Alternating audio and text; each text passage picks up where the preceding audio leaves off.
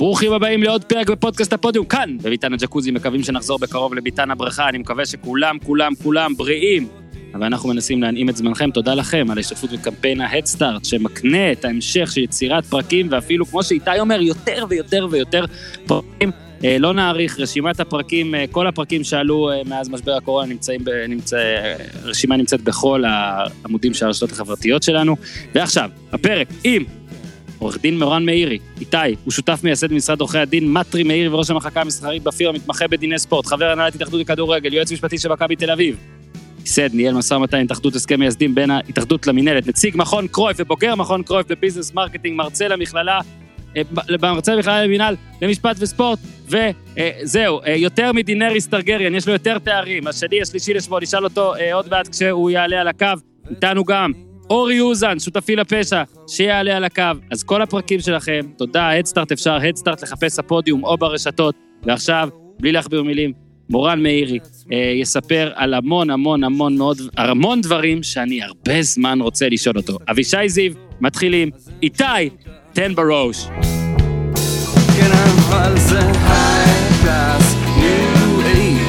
extra, extra large, מה special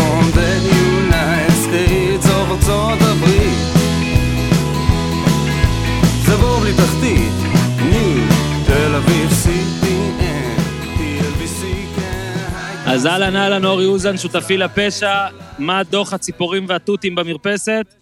אה, ציפורים מצייצות, מזג האוויר מצוין. אה, עדיין בבית, מחכים ל... אתה יודע, לצאת למדשאות יותר גדולות ויותר אה, עם סימונים של כדורגל, וזה עדיין לא שם. וש... ושלום לעורך הדין מורן מאירי. אורי, אני לא יודע כמה זמן אנחנו בערך רוצים שהוא יבוא, אבל תאמינו לנו שזה הרבה. אהלן לך, אדוני. שלום, שלום לכם. אז uh, בפתיח uh, הקראתי את כל מיני טייטלים שאגרתי עליך בכל מיני דרכים, חלקן חוקיות. Uh, מן הסתם uh, לא נוכל uh, מפאת הזמן לעסוק בכל הטייטלים, מה שבעיקר מעניין אותנו uh, זה הקשר שלך לספורט, לכדורגל, כדורגל ישראלי, ואמרנו, יועץ משפטי של מכבי תל אביב, וחבר הנהלת התאחדות לכדורגל, uh, נציג מכון קרויף, אלה באמת הדברים שננסה לגעת בפרק הזה. אני רוצה בשיתוף עם, אה, עם אורי, אולי נתחיל דווקא ב... אני לא יודע אם אתה עוקב בטוויטר, אבל נתחיל דווקא כ... אתה יודע, נשבור את הקרח, אם עורכי דין צריך לשבור את הקרח. אז האם קראת את הסיפור של מיכאל זנדברג בטוויטר על איך הוא עבר למכבי חיפה? בוודאי, הוא גם התקשר לפני זה לשאול אותי אם זה בסדר שהוא יפרסם. אתה מבין, אתה מבין, עכשיו, אני, אני, אני תמיד אומר, אני חושב, אה, מורן, לא יצא לנו לדבר יותר מדי, גם אם כן זה, לא יודע, מילה פה, מילה שם, אם אני שכחתי איזה כתבה שעשיתי שנים ונעזרתי בך להצטער, אבל, אבל, אה, יש לך שם כזה של אחד, שאפילו על סיפור בטוויטר, ספורטאי שפרש כבר, אה, ישאל אותך אם זה בסדר, אז רק בגלל שלא כל המאזינים שלנו עוקבים, אני אקריא מאוד מאוד זריז. אה, מיכאל זנדברג כותב על החתימה במכבי חיפה, קיץ 2002, הפועל פתח תקווה בקשיים כלכליים אחרי שמאיר שמיר הודיע על עזיבה, מגיעה הצעה ממכבי חיפה, באופן טבעי אני רוצה להתקדם, וגם אנשי פתח תקווה מודיעים לי שיהיה להם קשה לעמוד בחוזה שלי. מגיעים להסכמות כלליות, אני יוצא למחנה אימון עם חיפה. כשחזרתי לארץ, מתברר שיש סעיפים רציניים ללא הסכמות, אה, הוא מפרט כמה, פחות אה, רלוונטי עכשיו, משא ומתן מתפוצץ. אני חוזר לפתח תקווה, הישר לעוד מחנה אימון והכנה לעונה, כל אותו הזמן, מופע לחץ, בלה בלה בלה, איומים, יציע, וכהנה וכהנה. שבוע, שבוע, שבועיים לפני פתיחת העונה, משחק גביע הטוטו נגד אחי נצרת, אני עולה לחימום בעורבה, מהיציע אני שומע קריאות, מיכאל, מיכאל, מסתכל, רואה את אבא שלי ואת מורן מאירי, עורך הדין שלי, האיש שאיתנו עכשיו בשיחה, בצד של היציע מסמנים לי לבוא אליהם, אני רץ, אומרים לי, יאללה, יאללה, יאללה, בוא עכשיו. כל המחלקות עם חיפה נפטרו, הולכים לחתום, חייבים עכשיו. זה היום האחרון לרישום לליגת האלופות. אמרתי להם, בסדר, בסדר, נסיים את המשחק וניסע. מה פתאום? עכשיו חייבים לנסוע. אמרתי להם, שמעו, משחק אחרון שלי כאן, אני חייב לשחק, ייגמר המשחק, ישר אגיע. בלית ברירה הם התרצו, וכך היה. במשחק עצמו כבשתי שער ניצחון בדקה 90, נגמר 5-4, אכן כך.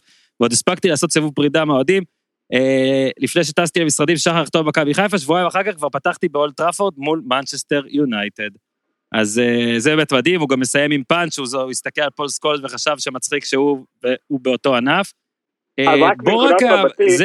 רק מנקודת מבטי, כן. אורן, אני, אני רק רוצה להשלים איזה משהו, אולי מיכאל לא מודע לזה. הסיבה שאני חשבתי שמיכאל צריך לעזוב באותו רגע היא כמובן חשיבה של עורך דין, אני פשוט פחדתי שהוא ייפצע במחצית השנייה, ואז תלך העסקה. אני אגיד לך שכשקראתי את זה, אמרתי, בואנה, זה מוזר שנתתי לו לשחק.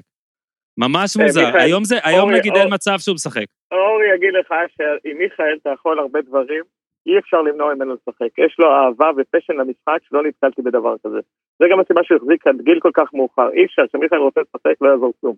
לא, לא סתם מיכאל המשיך אה, הרבה מאוד שנים, אתה יודע, במקומות הלא נוצצים של הכדורגל, הוא עשה את זה תמיד בתשוקה ואהבה. דרך אגב, אחד ה... אין הרבה דברים טובים בכל התקופה הזאת של הקורונה, בטח מבחינת ספורט, אבל המעטים שבהם זה הרבה שחקנים שיצאו לטוויטר, הרבה מאוד סיפורים יפים מאחורי הקלעים.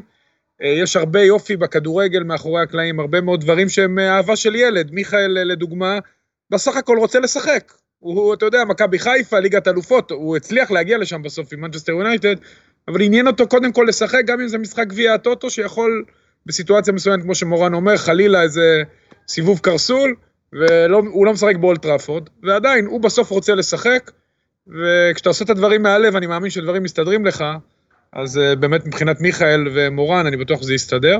ומורן, באמת מעניין אותי, אם אני יכול להמשיך, אורן, כאילו, הרי אתה בא מבית בטח. של כדורגל, uh, ולשלב את זה עם המשפטים והכל, ומיכאל הוא ה... מיכאל למעשה הוא הקליינט הגדול הראשון שלך. מפה בעצם זה היה מן המסלול כניסה, או שאנחנו... או שזה הגיע בדרך אחרת. זה, זה, זה הגיע ככה, יש לי פינה מאוד חמה למיכאל ולמשפחה שלו בלב. אה, אנחנו עד היום בקשר מאוד טוב. אה, גם כשלאבא שלו היה יום הולדת לאחרונה, אנחנו מקפידים לאכול צהריים ביחד. אה, גם לאימא שלו, יש לי, אני יכול למלא ספר על השיחות שלי עם אימא שלו, שהיו תמיד מצחיקות, מעניינות, מאתגרות.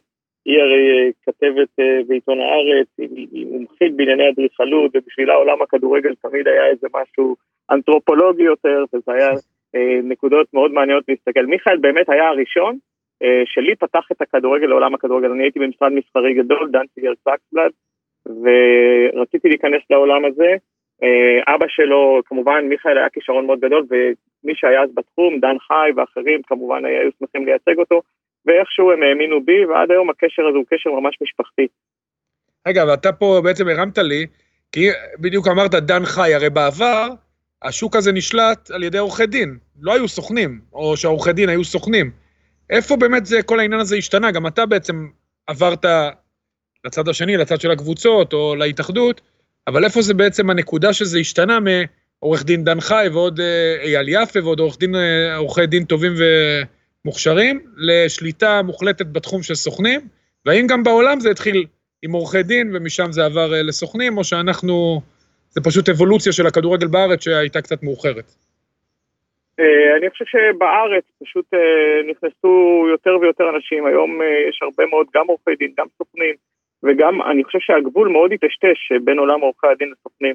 אני מאוד הקפדתי לא לנסות ולתווך בין שחקנים לקבוצות, תמיד הקפדתי לעשות את העבודה המשפטית, חשבתי שעבודה של עורך דין בהכנת חוזה, בבוררות, אה, בניהול משא ומתן זה מומחיות שיש לעורכי דין, וסוכנים הם יותר אה, ככה מכירים את השוק, מעטים לשחקן, מלווים אותו אה, במעטפת של כל מה שהוא צריך. לאט לאט העולמות האלה היטשטשו, ובאמת נכנסו המון שחקנים חדשים, טובים, אחרים למשחק. כשאני התחלתי, היה דן חי מאוד מאוד בולט בתחום הזה, והיה גם יואל גולדברג בחיפה, אלה היו שני עורכי הדין, אם אתם רוצים, מהנקודות הקטנה, לפני מיכאל פנה אליי אה, פיני בלילי פעם אחת, וגם זה היה בשביל איזשהו כרטיס כניסה לעולם הספורט, ואז יום אחד דוד שלו התקשר אליי, אני חושב, ואמר לי, תשמע, אתה צעיר, אתה בתחילת הדרך, אנחנו אה, רוצים מישהו מנוסה, מה דעתך לעבוד עם יואל גולדברג? ואז הבנתי שהם בחרו ביואל גולדברג לייצג, איחלתי לו בהצלחה,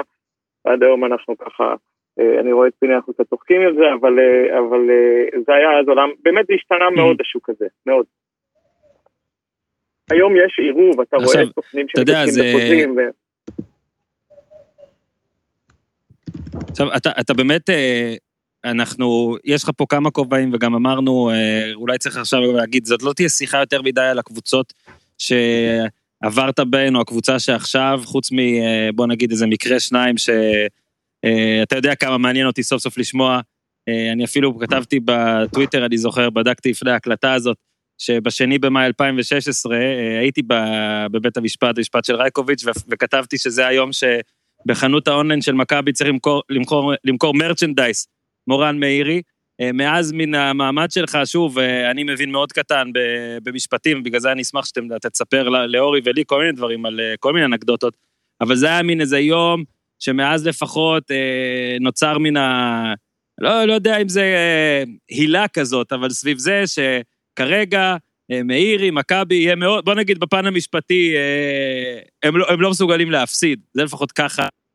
אה, אבל אני רוצה שנתחיל, ותחכו עם אנקדוטות רייקוביץ', רייכרד והכל, כל האלה שממש רוצים, כי, כי יש מן הסתם נושא עכשיו הרבה יותר גדול וחשוב. אז יש כן את הכובע, חבר הנהלת התאחדות לכדורגל, אבל בכלל, אתה, אתה ומשפטים ודיני ספורט זה משהו שרץ הרבה הרבה אחורה, ו... בוא תנסה קצת להסביר לנו כרגע את המצב הסבוך. אה, אולי קודם כל אפילו מצד, אתה יודע, אתה יכול לבחור צד קבוצות, צד כדורגלנים, ואז ננסה ללכת לצד השני, אה, כי אנחנו רואים לפחות בישראל שזה כל קבוצה די לעצמה עם מדיניות אה, קיצוצים, ענייני חוזים, יצא לנו גם, שלחת והראית לי שבקטע של הכדורסל זה נהיה, עולמי אני מתכוון, זה נהיה הרבה יותר גורף מזה, וגם על זה אולי צריך להרחיב. קצת בוא נתחיל להיכנס לתוך הקטע של אה, אה, מה אה, כל פרשיית אה, מגפת הקורונה הזאת עושה, ל, בוא נגיד, בפן המשפטי לספורט. תראו, אה, אני דווקא חושב שצריך להסתכל על פרשת הקורונה, אה, האירוע שאנחנו, הגדול הזה שאנחנו חווים, אה, בפן המשפטי, בכל מקרה והנסיבות שלו, קשה, אני חושב, לגזור הכללות mm-hmm. לכל העולמות בכל דבר. עכשיו בואו נסתכל על מה קרה בעולם הספורט, מה הנסיבות של עולם הספורט. אז עולם הספורט הופסק בכל העולם למעשה, כמעט, למעט אולי מדינה אחת. אה, אין קהל, אין טלוויזיה, כל המקורות הכספיים, הספונסרים, כולם, הכל נעצר.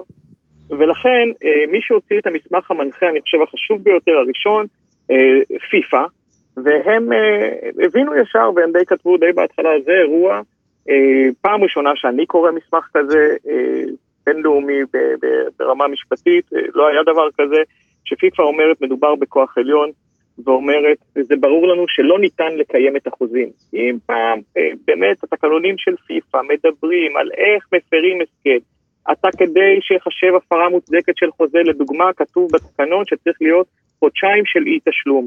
ורק הפרה מוצדקת היא מצדיקה ביטול, mm-hmm. ופיפ"א מבחינה בין חוזים, היא יורדת לדיטלס של הדיטלס בקיום חוזים, אגב, הרבה יותר מהתקנונים המקומיים שלנו.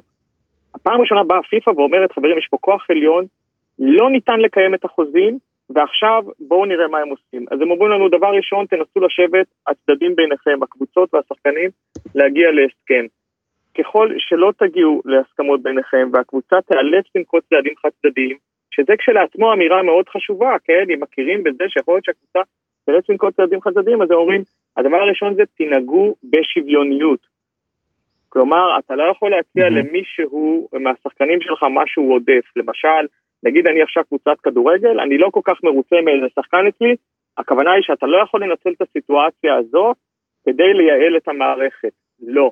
תנהג בצורה שוויונית. אתה כן יכול לקזז באופן רוחבי או לקצץ, או אם לא הצלחת במשא ומתן, כמיטב הבנתך. דבר שני, מה תהיה רמת הקיצוץ שאתה יכול לעשות כקבוצה? אתה יכול לעשות את זה כשזה נשען על בסיס של נזקים שנגרמו לך, לא באוויר. ומן הסתם יהיו הרבה מקרים שיגיעו לדיונים עם שחקנים, בעיקר מתי פיפ"א מתערבת, לצורך העניין בתי המשפט של פיפ"א, זה טריבונלים, זה נקרא DRC, אה, הכעס ברמת ערעור, אז הם מתערבים אה, אה, כאשר מדובר באירועים בינלאומיים, שחקן זר במדינה אחרת, או העברות של קבוצות, או השאלות במקרים בינלאומיים, הם בדרך כלל לא השתמשו, לא התערבו ברמה המקומית. ברמה המקומית גם חייבים להתחשב במה אומר הדין המקומי, במקרה שלנו, חוק החוזים ודיני העבודה. עכשיו אני אגיד לכם, כשהגיע המסמך של פיפ"א, הוא הגיע בשביעי באפריל, הוא פורסם בלילה. למחרת אני ביקשתי בהתאחדות לכדורגל להקים צוות אה, דחוף, ושנשב כמה משפטנים ונעשה אה, השמה של המסמך הזה לדין הישראלי, כדי שבאמת לכל הקבוצות, לכל השחקנים, לכולם, מבחינתי גם אפשר לשבת, כמובן צריך לשבת אה, עם נציגי השחקנים, ולנסות לעשות התאמה של המסמך הזה לדין הישראלי. אה, לצערי זה לא קרה, אני לא יודע לפעמים להגיד לכם למה, לא כל דבר אני יכול להחליט בהתאחדות, אבל uh, ההתאחדות כן בינתה את היועץ המשפטי כדי שיעשה אימפלמנטציה של המסמך הזה לדין הישראלי, זה יובא לאישור ההנהלה. אני חושב שזה מאוחר מדי, זה מעט מדי, ואם בכל מה שקשור אליי, מי שפונה אליי, אני כן מבצע איזושהי התאמה לקבוצה שאני עובד uh, איתה, של מכבי תל אביב, של מה שאני ראיתי במסמך פיפ"א, הדין הישראלי, עם השחקנים, ומנסים לעשות את מה שצריך. אבל מצופה קודם כל לשבת ולנסות להגיע לסיכומים. אם לא ניתן להגיע לסיכומים, כמו שאנחנו רואים בהרבה מקרים, קבוצה צריכה לנהוג בשוויוניות, לעשות את זה על בסיס הדין הקיים, לא יכולה להתעלם מהחוקים הקיימים, ויחד עם זאת להישען על הנזקים האמיתיים שנגרמו לה. זה בערך הגיידליינס לקבוצות איך להתנהג. כן, אבל מור, מורן, בין כל, הרי רוב הקבוצות... כן, רגע, אורי, כן. רוב מוחלט של הקבוצות פה, הם, אתה יודע, הספורט פה בארץ, בטח כדורגל, הוא ספורט מפסיד. אתה עסק שאתה בעצם סוג של פילנטרופיה. אה, כמעט אף קבוצה היא לא במצב של רווח, זאת אומרת, כשאתה אומר שהקבוצות יכולות לקצץ לפי הנזק שנגרם להם, הרי יכול, קבוצות יכולות להכיל בתוך הנזק הזה גם את ההפסדים שממילא הם היו מפסידים גם אם לא הייתה קורונה. העולם הכדורגל הולך, לי, לפי מה שאתה אומר, הולך להשתנות בצורה מאוד מאוד גדולה, בטח בארץ, זאת אומרת, הקיצוץ יכול להיות מאוד גדול, והשחקנים שהיו רגילים להרוויח סכומים מאוד גבוהים, יתקשו להתמודד עם זה. וגם לא יהיה להם למי בעצם לפנות, כי אתה אומר שפיפ"א בעצם כן. קוראת לזה כוח עליון, והם מבחינת השחקנים, הם בבעיה גדולה. אז בואו נגיד שקודם כל כולם בבעיה, כן, גם השחקנים וגם... בואו נגיד שעכשיו הייתי מייצג שחקן בסיטואציה הזאת, אז כמובן, יש תקציב שקבוצה מגישה כל שנה לרשות לבקרת תקציבים. בדרך כלל החזקה היא כזאת שהקבוצות מראות בבקרת תקציבים שהן מסוגלות להביא הכנסות. אז אם הייתי עכשיו מייצג שחקן, הייתי אה, ניגש לבקרה התקציבית, ואני יכול לעשות את זה במסגרת הליך משפטי. אומר, תראו לי את התקציב שהקבוצה הגיעה. עכשיו יורד מהתקציב הזה ל details, כמה יש פה מהכנסות קהל, אוקיי? כמה זה אה, היה אמור להיות בחמישה משחקים הביתיים שנשארו בתקופת הפלייאוף, כמה ככה, כמה ככה, מזה גוזר מספרים. אז כמובן שזה לא מדע מדויק, אבל כן אפשר, אי אפשר לעשות את זה אה, ללא בסיס, ואי אפשר להגיד בגלל שקבוצות הפסידו גם לפני, אז נכניס את כל ההפסדים פנימה. לא. צריך לקחת, לנתח את הסיטואציה, מה באמת הוא נזק שנגרם עקב קורונה, והדבר הזה ישפיע. עכשיו, זה שיחה שהיא מדברת על נזקים ישיר, ישירים. תזכור שיש גם נזקים עקיפים. אם אני בעלים של קבוצה, שיש לי עסקי הלבשה או עסקי מזון לצורך העניין, והם סגורים, אז אם תכננתי והיה לי בתוכנית הכלכלית שלי כבעלים עודפים ודיבידנדים מהחברות שלי שאני אכניס לעצמי קבוצות, עכשיו גם את זה אין לי. גם בזה אולי יצטרכו להתחשב. זה נקודות שפיפ"א לא התייחסה אליהן לנזקים עקיפים.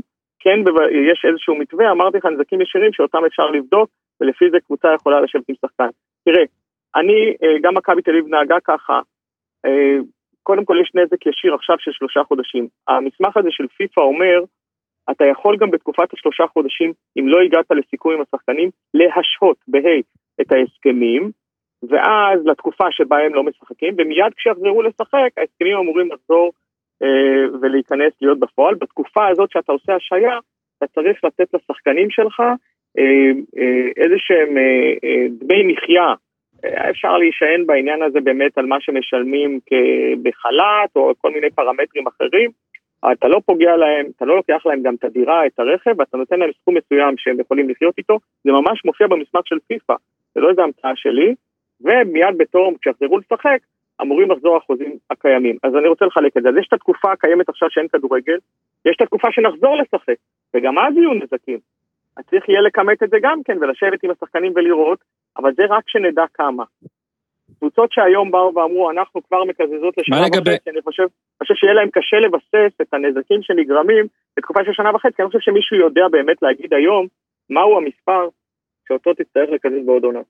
זה מאוד חשוב מה שאמרת, כי זה בדיוק היה סלע המחלוקת בבאר שבע. כן, בדיוק. עכשיו, אבל אתה יודע, זה בדיוק מה שהשחקנים שם אמרו גם, שאי אפשר, בואו נקצץ לשלושה חודשים ולא לשנה קדימה, ואני נותן לך את הדוגמה הזאת, ובכוונה זה לא חשוב בבאר שבע, כי שמעתי שגם בעוד מקומות בעולם אולי החליטו לא שנה וחצי, אבל אולי יותר משלושה חודשים. אם אפשר גם שתסביר לנו, אה, מורן, לגבי חל"ת. הרי יש הבדל בין אה, אה, אורי ואולי אני ואתה גם, כל מיני עובדים, אה, אורי אני מתכוון לא בקבוצה שלו, כל מיני עובדים שעובדים לפי חוזים מסוימים, בעסקים. כן, כן, כן, אני יודע, אבל אני מתכוון על לא חוזה קצוב. החוזה שלנו, אני יכול להגיד על שלי, הוא לא חוזה קצוב בזמן. זאת אומרת, אני עובד כל חודש ומקבל כסף על זה. אני מניח שגם אתה בכמה מעיסוקיך, מורן. שחקני כדורגל, החוזה שלהם קצוב בזמן. מה זאת אומרת? הרי כל אחד בחל"ת, בתקופת הקורונה, יכול פשוט לבוא ולהגיד, סבבה, הוצאת אותי לחל"ת, אני רוצה ללכת, תן לי את הכסף שמגיע לי, נגיד בשוק האזרחי, פיצויי פיטורים. מה קורה אצל כדורגלן שנכ... שמוציאים אותו לחל"ת? מבחינת, אגב, חובות וזכויות.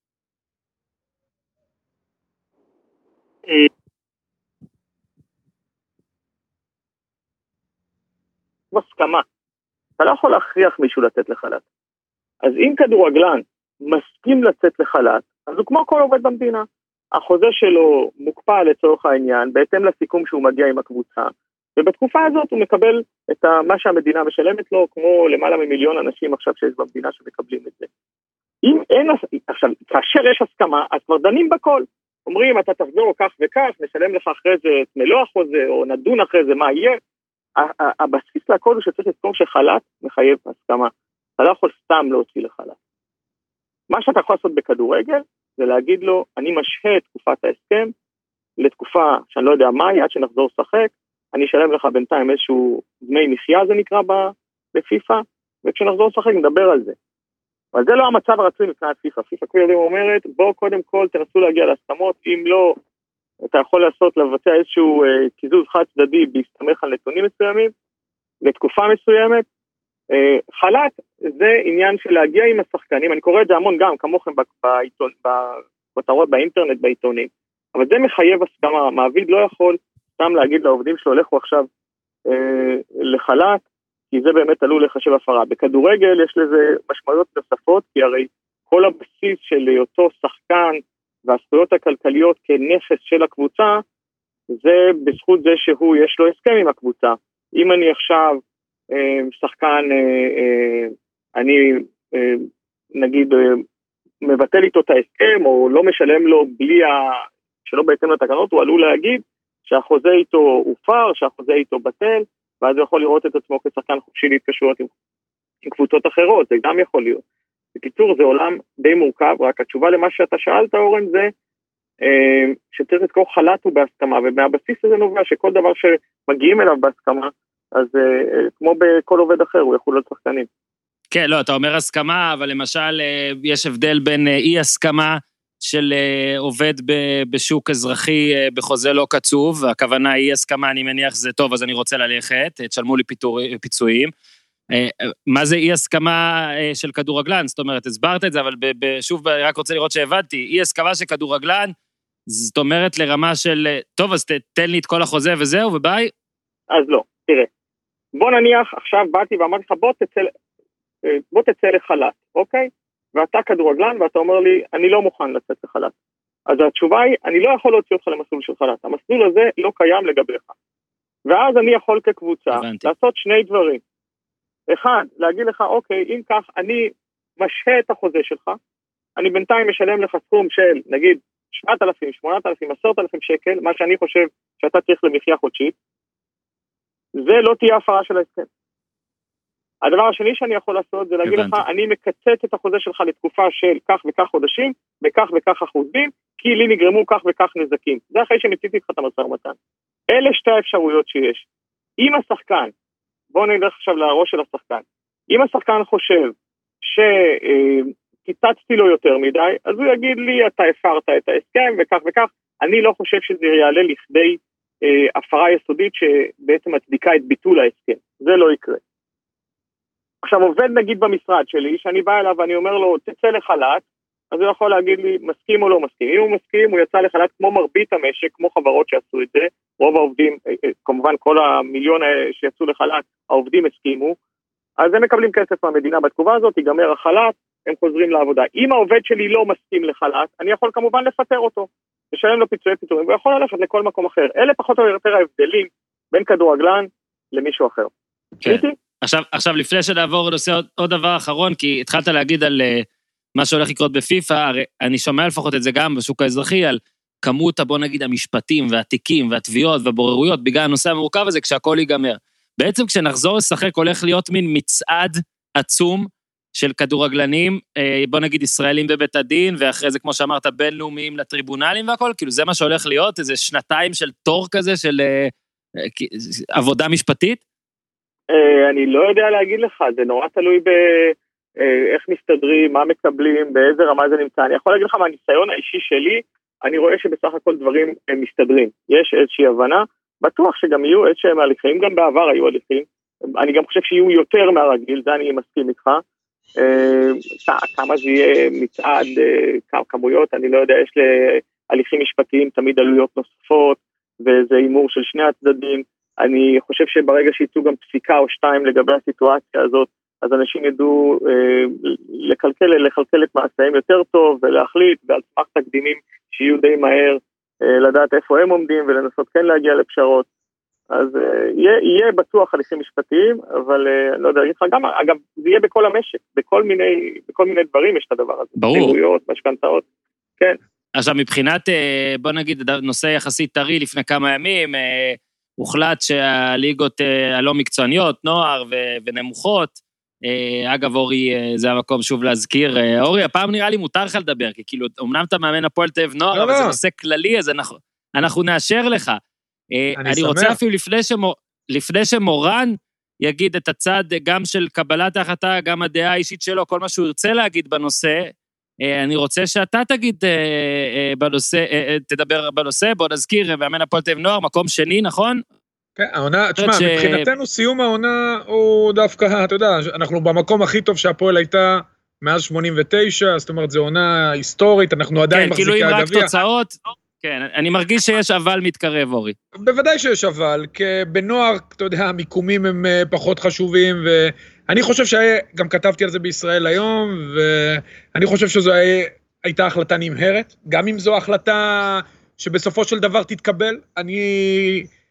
ואני חושב שלא יודע אם הדיונים הנכונים נערכו, לא יודע אם ועדת הנוער אה, התכנסה, לא יודע אם האנשים הנכונים יושבים בוועדות האלה, גם ועדת הנוער וגם ב-29 האנשים של ההתאחדות אה, שהחליטו את הדברים האלה, לא התייעצו עם האנשים, אה, אני מדבר בעיקר על מחלקות הנוער, אבל גם על הליגת הנמוכות, אבל בעיקר על מחלקות הנוער, כי שמה הם בעצם גדעו לילדים את התקווה שיחזרו, הילדים כרגע מתאמנים בבית, הם כן קיוו וציפו לחזור לשחק, אה, במסגרת כזו או אחרת, והיה לי חשוב שאת הביטולים, אם וכאשר, יפילו מכלפי מעלה. זאת אומרת, ברגע שמחליטים שליגת העל, שזה הליגה שגם הכי קשה לתפעל, היא, וגם עם הכי הרבה כסף, היא לא, לא, לא תחזור השנה, אם וכאשר, אז הכל נופל כלפי מטה, וזה פה קרה הפוך. דווקא את הליגות שהכי קל לתפעל והכי קל להחזיר, אה, והן הכי זולות במרכאות, דווקא אותן הפסיקו ראשונות. אני לא יודע למה עשו, למה עשו את זה ככה, בצורה כזאת, למה מיהרו עם ההחלטה?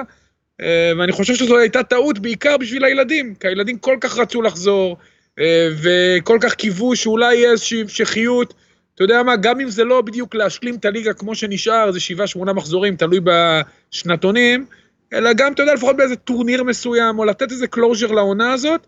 אה, אני חושב שזו, מהבחינה הזאת הייתה טעות, וגם פה אני רוצה לפנות למורן, א', איך התקבלה ההחלטה הזאת, אה, שלושה אנשים הצביעו נגד, זה אם הוא יכול לספר מעניין אותנו מי, ולמה ועדת הנוער לא התכנסה, למה בהתאחדות גם לא התייעצו עם אנשים ממחלקות הנוער, כדי אולי לנסות למצוא איזה פתרונות אה, להמשך הליגות, לפחות הליגות הבכירות לנוער, נוער, נערים, אה, נערים א', נערים ב', אה, לטעמי זו החלטה שהיא חו...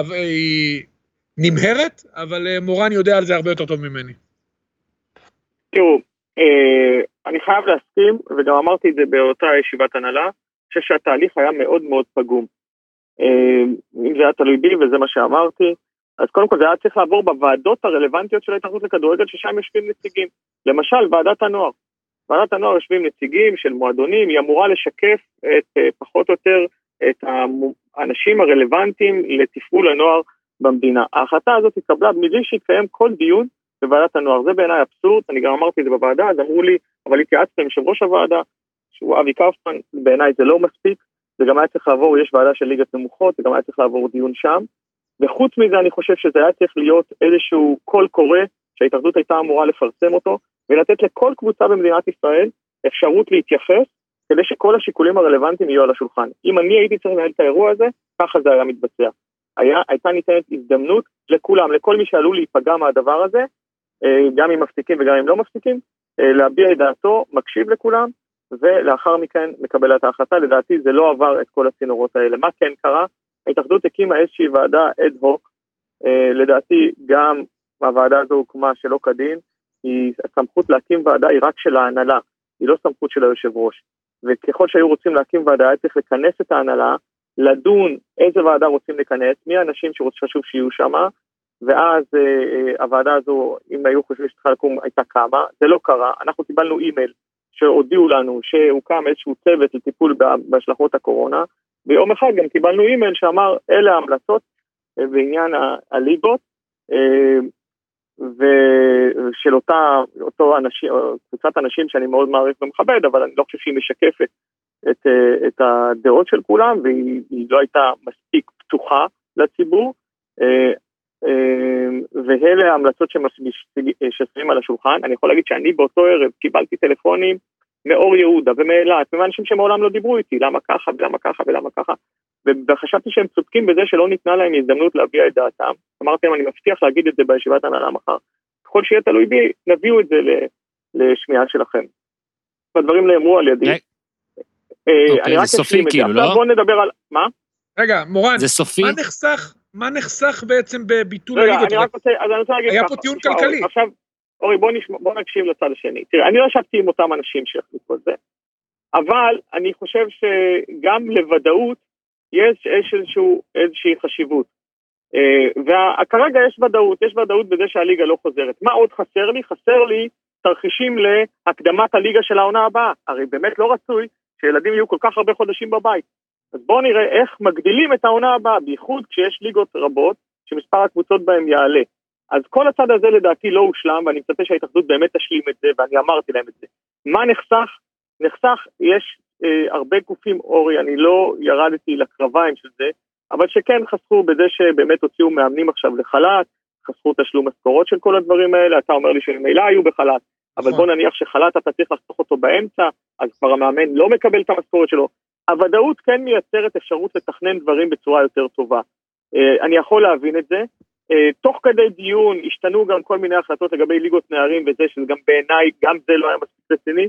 אז מצד אחד אני מקבל את הביקורת ואני שותף לה על דרך קבלת ההחלטה, מצד שני היו פה כמה אלטרנטיבות על השולחן, אני חושב שקיבלו החלטה שהאלטרנטיבה היא בעיניי עומדת במבחן סבירות, כמובן שיכול להיות יתרונות לזה ויתרון לאלטרנטיבה אחרת, אבל בעיניי זה לא היה מופרך לסיים את הליגה.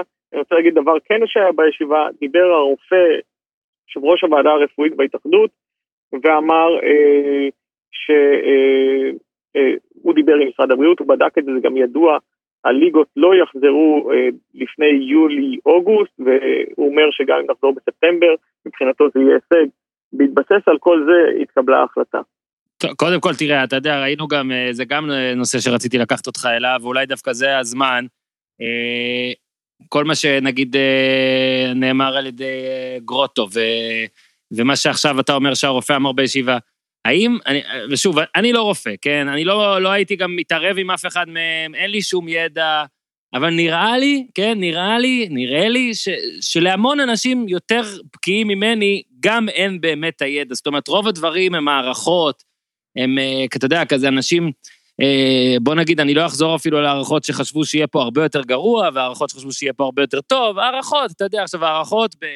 האם שחקן של מכבי יעבור ל... אה, לחו"ל, או האם שחקן של אה, באר שבע יחצה, יעבור למכבי, או האם שחקן, אתה יודע, דברים כאלה בספורט, איפה שאנחנו עובדים, סבבה, אני לא מת על זה, אבל יאללה, זה ספורט.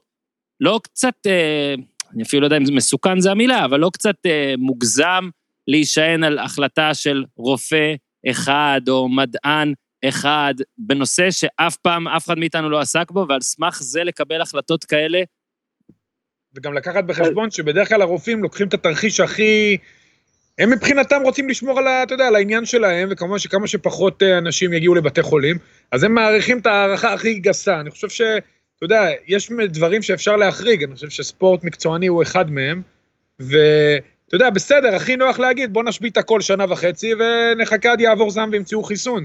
אבל אתה יודע, החיים עצמם צריכים לזוז, בינתיים יש המון מובטלים, גם בתחומי הספורט.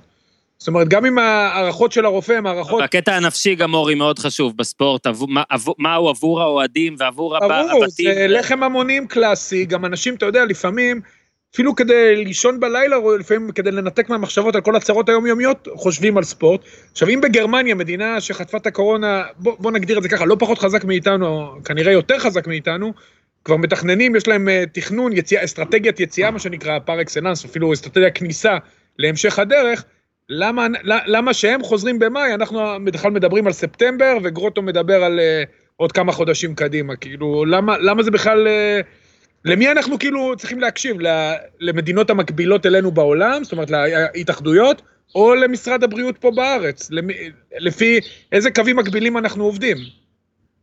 אני אגיד לכם את עמדתי. קודם כל, אורן, אני רוצה להתייחס למה שאמרת מקודם, אני חושב שיש הבדל גדול מאוד בין ליגות מקצועניות, בעיקר ליגת העל, לבין יתר הליגה, ואני לא חושב כמוך, אני חושב שההחלטה לגבי ליגה מקצוענית היא החלטה שונה מההחלטות לגבי ליגות נמוכות וליגות נוער. כל הספורט כמעט במדינת ישראל, ואני מדבר על הימורי הטוטו וזכויות שידור וכל מיני כאלה, נשענים על הליגה המקצוענית, והשיקולים שמה, אולי נגיד שמה אתה יכול לקחת יותר סיכון, אולי שמה אתה יכול לקבוע יותר מגבלות, אולי שמה אתה יכול לעשות כן בדיקות לקבוצה מסוימת של אנשים, שהתרומה שלהם הכלכלית היא מחזיקה את כל הספורט.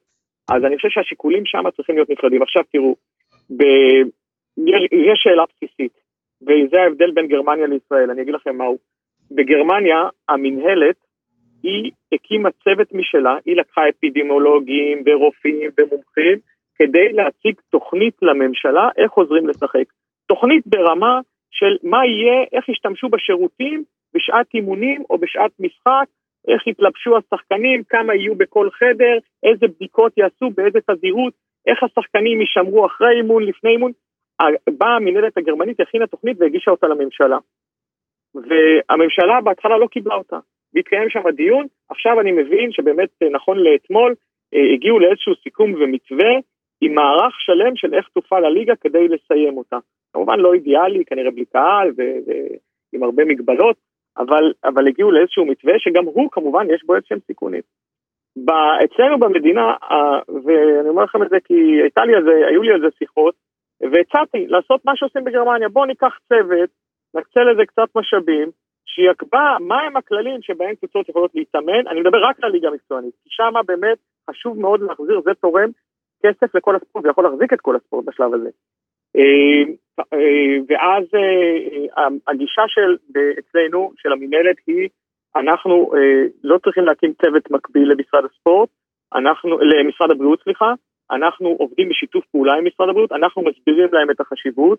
אני חושב שבאמת מהדברים של פרופסור גרוטו השבוע, הדבר האחרון שמציק לו זה באמת הספורט בישראל, וככה הוא באמת התבטא, אחרי זה הוא כבר הבין את המשמעות של הדברים, והוא ניסה לתקן את זה, אבל המינהלת נוקטת בגישה של אנחנו במשרד הבריאות נסביר כמה אנחנו צריכים את החזרה את הספורט, את המשמעויות של זה, ואנחנו מקווים שיינתנו לנו הקלות. בואו לא נשכח, אחד האירועים הראשונים שקרו בספורט היה בדרבי אני זוכר את אותו יום שבו אה, פורסם שאוהד מכבי תל אביב היה בדרבי, כל שער שמונה לבידוד, כן? ואיזה פאניקה זה יצר, ומי ישב, אני באופן אישי קיבלתי מאות שיחות באותו יום. איפה הוא ישב, מה הוא ישב, מאנשים שרצו לדעת. אז צריך באמת, אני מבין, אני כן חושב שצריך לדעת, אה, אני מקבל את גישת המינהלת, אפשר אולי לנקוט בגישה הגרמנית, של אולי יוזמה, אבל אני חושב שאנחנו פה הולכים עם משרד הבריאות, אה, מנסים להסביר כמה זה חשוב, אני גם חושב שבקרוב יהיו לזה כן תוצאות לפחות לגבי הליגה המקצוענית, אני מניח שבקרוב, אה, ממה שאני מבין, יפרסמו עוד ועוד הקלות, ואם אפשר, גם יחזרו לשחק. שמע, אורי נתן פה דוגמה טובה לקטע של רופאים תמיד מחמירים, וזה נכון, אגב, כל מי שעשה ספורט אה, יודע שכשאתה הולך, נגיד, אני אומנם כדורגל לא שיחקתי, אני שחיתי ושיחקתי כדורסל, ואני זוכר תמיד אפילו אם אתה יודע, פציעות קטנות, דברים קטנים, תמיד כשהיית הולך לרופא משפחה, או רופא, אוקיי, פשוט רופא, לא משנה טוב ככל שיהיה, היית מקבל דברים מאוד מחמירים, וכשהיית באמת רוצה לטפל בעניין, או לנסות לשחק עם כאב כדי להתגבר, אתה הולך לרופא ספורט. אז אה, גם פה אני כל כך אוהב את מה שאתה מספר על הגישה הגרמנית, כי בעצם, שוב, אני לא בא ואומר שמשרד הבריאות רוצה לעשות רע לאורן יוסיפוביץ' ולתעסוקה שלו ולפנאי שלו, ולא לאורי אוזן, ולא למורן מאירי, ולא למכבי תל אביב. אני כן אומר, וכתבתי את זה גם בפוסט שכתבתי, אני באמת חושב שזה לא כזה מעניין אותם. אה, הלוואי שמישהו מהם יוכיח לי אחרת, אבל לאורך, אתה יודע, ואני לא מדבר רק על משרד הבריאות, אני מדבר גם, גם על הממשלה. אגב, אני מדבר גם על התקשורת המיינסטרים, אם אתה רוצה, ואנחנו רואים את זה שספורט בממשלה ובתקשורת המיינסטרים ובכל הגופים האלה, בא לקדמת הבמה כשיש מכות, כשיש נאצות שאפשר לקשר אותן לגוון פוליטי, כשיש תחרות שג'ודאים צריכים להיכנס לדובאי, ואז גם טס איזה מישהו כדי להצטלם אם יש פודיום. אף פעם כמעט לא יהיה כותרת ראשית, כמו שביאו יש לפעמים בראשי, על משחק ספורט, על משהו שקרה, זאת אומרת, על, על דרבי שהיה פשוט אחלה משחק. אתה מבין? ואני כחובב ספורט, ואני נשבע לך שאני אומר את זה לא בגלל זאת התעסוקה שלי. אני פשוט חושב שלא מעניין אותם, זאת אומרת, לא מספיק מעניין אותם. ופה דווקא מה שהגרמנים עשו כל כך חכם, כי הם הביאו אנשי מדע והכול לתוך העסק שלהם, והם אמרו, בואו תוכיחו לאלה שלא אכפת להם מהעסק הזה, מהספורט, בואו תוכיחו איך אפשר לעשות את זה. ואנחנו רואים, שוב, אני לא יודע מה קורה בסין, אה, אולי אפילו מורן יודע יותר ממני במשטר שווה בהכל, אבל אני יודע ששלשום שיחקו שם כדורגל. אמנם משחק ידידות, אבל שיחקו שם משחק 11 על 11, בלי מסכות, בלי שום דבר, אם זה, אם זה יעלה להם אחרי זה, סבבה. אבל אני רוצה לראות כאן שמנסים. זאת אומרת, פחות ציטוטים של גם עד אוקטובר לא יהיה, ויותר ציטוטים של כרגע אני לא יודע, אבל אנחנו עושים עם הצוות הכי נכון על איך מחזירים. מורן, אני מסכים איתך לגמרי פה, סליחה אורי, גם אה, הלוואי שהליגת הנוער הייתה ממשיכה, אבל אין ספק שליגת העל בכדורגל וגם בכדורסל, הליגות המקצועניות, זה דין קצת אחר, הרבה יותר רגיש, ואנחנו חייבים אותם. והלוואי ש... שאנשים לא מהספורט יבינו כמה זה חשוב. לא, לא רק, גם מנטלי, גם נפשי, גם תעסוקתי, הספורט חייב לחזור. כאילו, שוב, כשאפשר, אבל שיחשבו עליו. אורן, אני מסכים איתך וגם עם מורן. לא אמרתי שהליגה המקצוענית או הליגות לנוער יותר חשובות, אמרתי שהיו צריכים לחכות עם ההחלטה שהליגת העל היא האחרונה כמובן, שצריכה להיות מבוטלת, אבל ברגע שהיו מבטלים אותה, אז הכל מתחת אה, נופל. כן, כן, כן, לא הבנתי. אין ספק שליגת העל, שמחזיקה בעצם בכסף שלה את כל הספורט, היא הייתה צריכה להיות אחרונה. לגבי הרופאים, יש לי גם סיפורים שלי, אין ספק שרופא, יש הבדל, מי שעסק בספורט יודע כמה ההבדל בין רופא של קבוצת כדורגל, רופאי ספורט, לרופא משפחה מבחינת הארכות זמן של חזרה מפציעה. אני יכול להגיד שבעצם בריח חזרתי אחרי חודש וחצי, שרופא משפחה אמר לי רק שלושה חודשים אתה בבית, אתה לא מזיז את היד, ואני אחרי חודש וחצי שיחקתי. אז אה, שוב, זה גם הרבה דברים שהם מאוד אינדיבידואליים, שצריכים לבדוק את הבן אדם אה, ספציפית, אה, ולכן גם הערכות של משרד הבריאות הן מאוד כלליות, אבל מה שעצוב הוא, מה שעצוב הוא שבמקבלי ההחלטות בממשלה, ואני חושב שההצעה האחרונה של מירי רגב מעידה בדיוק כמה הספורט הוא מופקר, שרת הספורט, מציעה הצעה מגוחכת, לשחק באילת בחודש יוני, במקום שאין בו מגרש עם תקני, אין בו מגרש עם תאורה, דשא סינתטי, שרק מי ששיחק על דשא סינתטי, לא משנה כמה הוא טוב, יודע שבא, שיש 40 מעלות, כמה זה בוער לך מלמטה, אתה בכלל לא יכול לשחק שם כדורגל, זאת אומרת, זה מראה לך בדיוק כמה מקבלי ההחלטות בספורט, מעניין אותם ספורט, הם יודעים מה, מה קורה בספורט, הם בכלל מבינים את התחום, וזה בעצם מקור ציום ראוי לתקופה הנוראית שלה כשרת ספורט. אה, אני חושב שכמו שאורן אומר, חשוב מאוד שבממשלה עם ה-450 שרים שהולכת לקום, שיהיה שר אחד שבאמת יהיה אכפת לו מתחום הספורט, שהוא יבוא מתחום הספורט, הוא כן יעשה, יבין את הצרכים, יבין את ההבדלים בין ספורט מקצועני, ליגת העל לצורך העניין, כדורגל, כדורסל, כדוריד, לבין uh, ספורט חובבני, את הדברים שזה נותן, את הדברים שזה לא נותן, וייתן באמת, כמו אני... שעשו בגרמניה, הערכות משלהם, את הדברים הנכונים, ואני מקווה מאוד אורי... שכן יצליחו להשלים פה את הליגות. כן, אני רוצה רגע, אורי, לקחת את זה כן לצד של מורן. אה, מורן, גם בכובעך בקבוצה הפעם, אה, שוב, זה לא חייב להיות ספציפי, אבל אתה בטח מכיר ושומע קצת דברים, וגם בקטע של ההתאחדות. האם אה, אנחנו רואים במדינה, למשל, שכל סקטור שממש ממש צועק, מקבל יחס, או מקבל יותר יחס? האם לא הגיע הזמן, ושוב, בלי לזלזל בפוסטים של כולם באינסטגרם, של ספורט זה חיוני, זה גם טוב, זה גם... אה, אה, במה, וזה מקדם, וזה מובילי דעה שעושים את זה. האם לא, אתה יודע, לא צריכים את הביג גייז, אתה יודע, את התותחים הכבדים גם, את, את הגולדרים ואת אה, יו"ר התאחדות, ואתם, ו, ועוד בעלים, ו, ונגיד אלונה ש, שעזבה חצי בגלל זה, אני יודע, כאילו, האם לא היה צריך קצת יותר מכבש? שוב, חשוב לי להעביר, מורן, אני לא איזה בור, איזה אידיוט שעכשיו אומר, יאללה, 25 באפריל, בוא נחזור, העיקר נחזור לשחק. לא. אבל לא כדאי כבר להתחיל קצת יותר אגרסיביות כדי שנשמע יותר על תוכניות להחזרת הספורט? דווקא בקטע הזה אני חייב להגיד אה, שאני מרגיש שאנחנו בידיים מאוד טובות אה, כשמי שמוביל את הדברים זה ארז חלפון. לזכור שארז היה אה, מנכ"ל של משרדים ממשלתיים, הוא היה יו"ר לשכת שר האוצר בתחילת הקדנציה של כחלון, הוא מכיר את האנשים, הוא מכיר את הגורמים, הוא מכיר את הפוליטיקה, הוא יודע מתי ואיך, הוא גם יודע להפעיל מתי שהוא רוצה, הוא יודע לגבש את הקבוצות סביבו. אני חושב שצריך לתת לו להוביל את זה, הוא עושה את זה בצורה מצוינת, הוא נאבק על המשך הליגה, כמו שאתם רואים, הוא לא מרים ידיים, גם כשפרופסור גרוטו אמר מה שאמר, ארז מיד יצא אחרי זה, ואמר אה, לא להיבהל מזה, וגם אני מבין ששוחח איתו אחרי זה, וגם אמירות השתנו.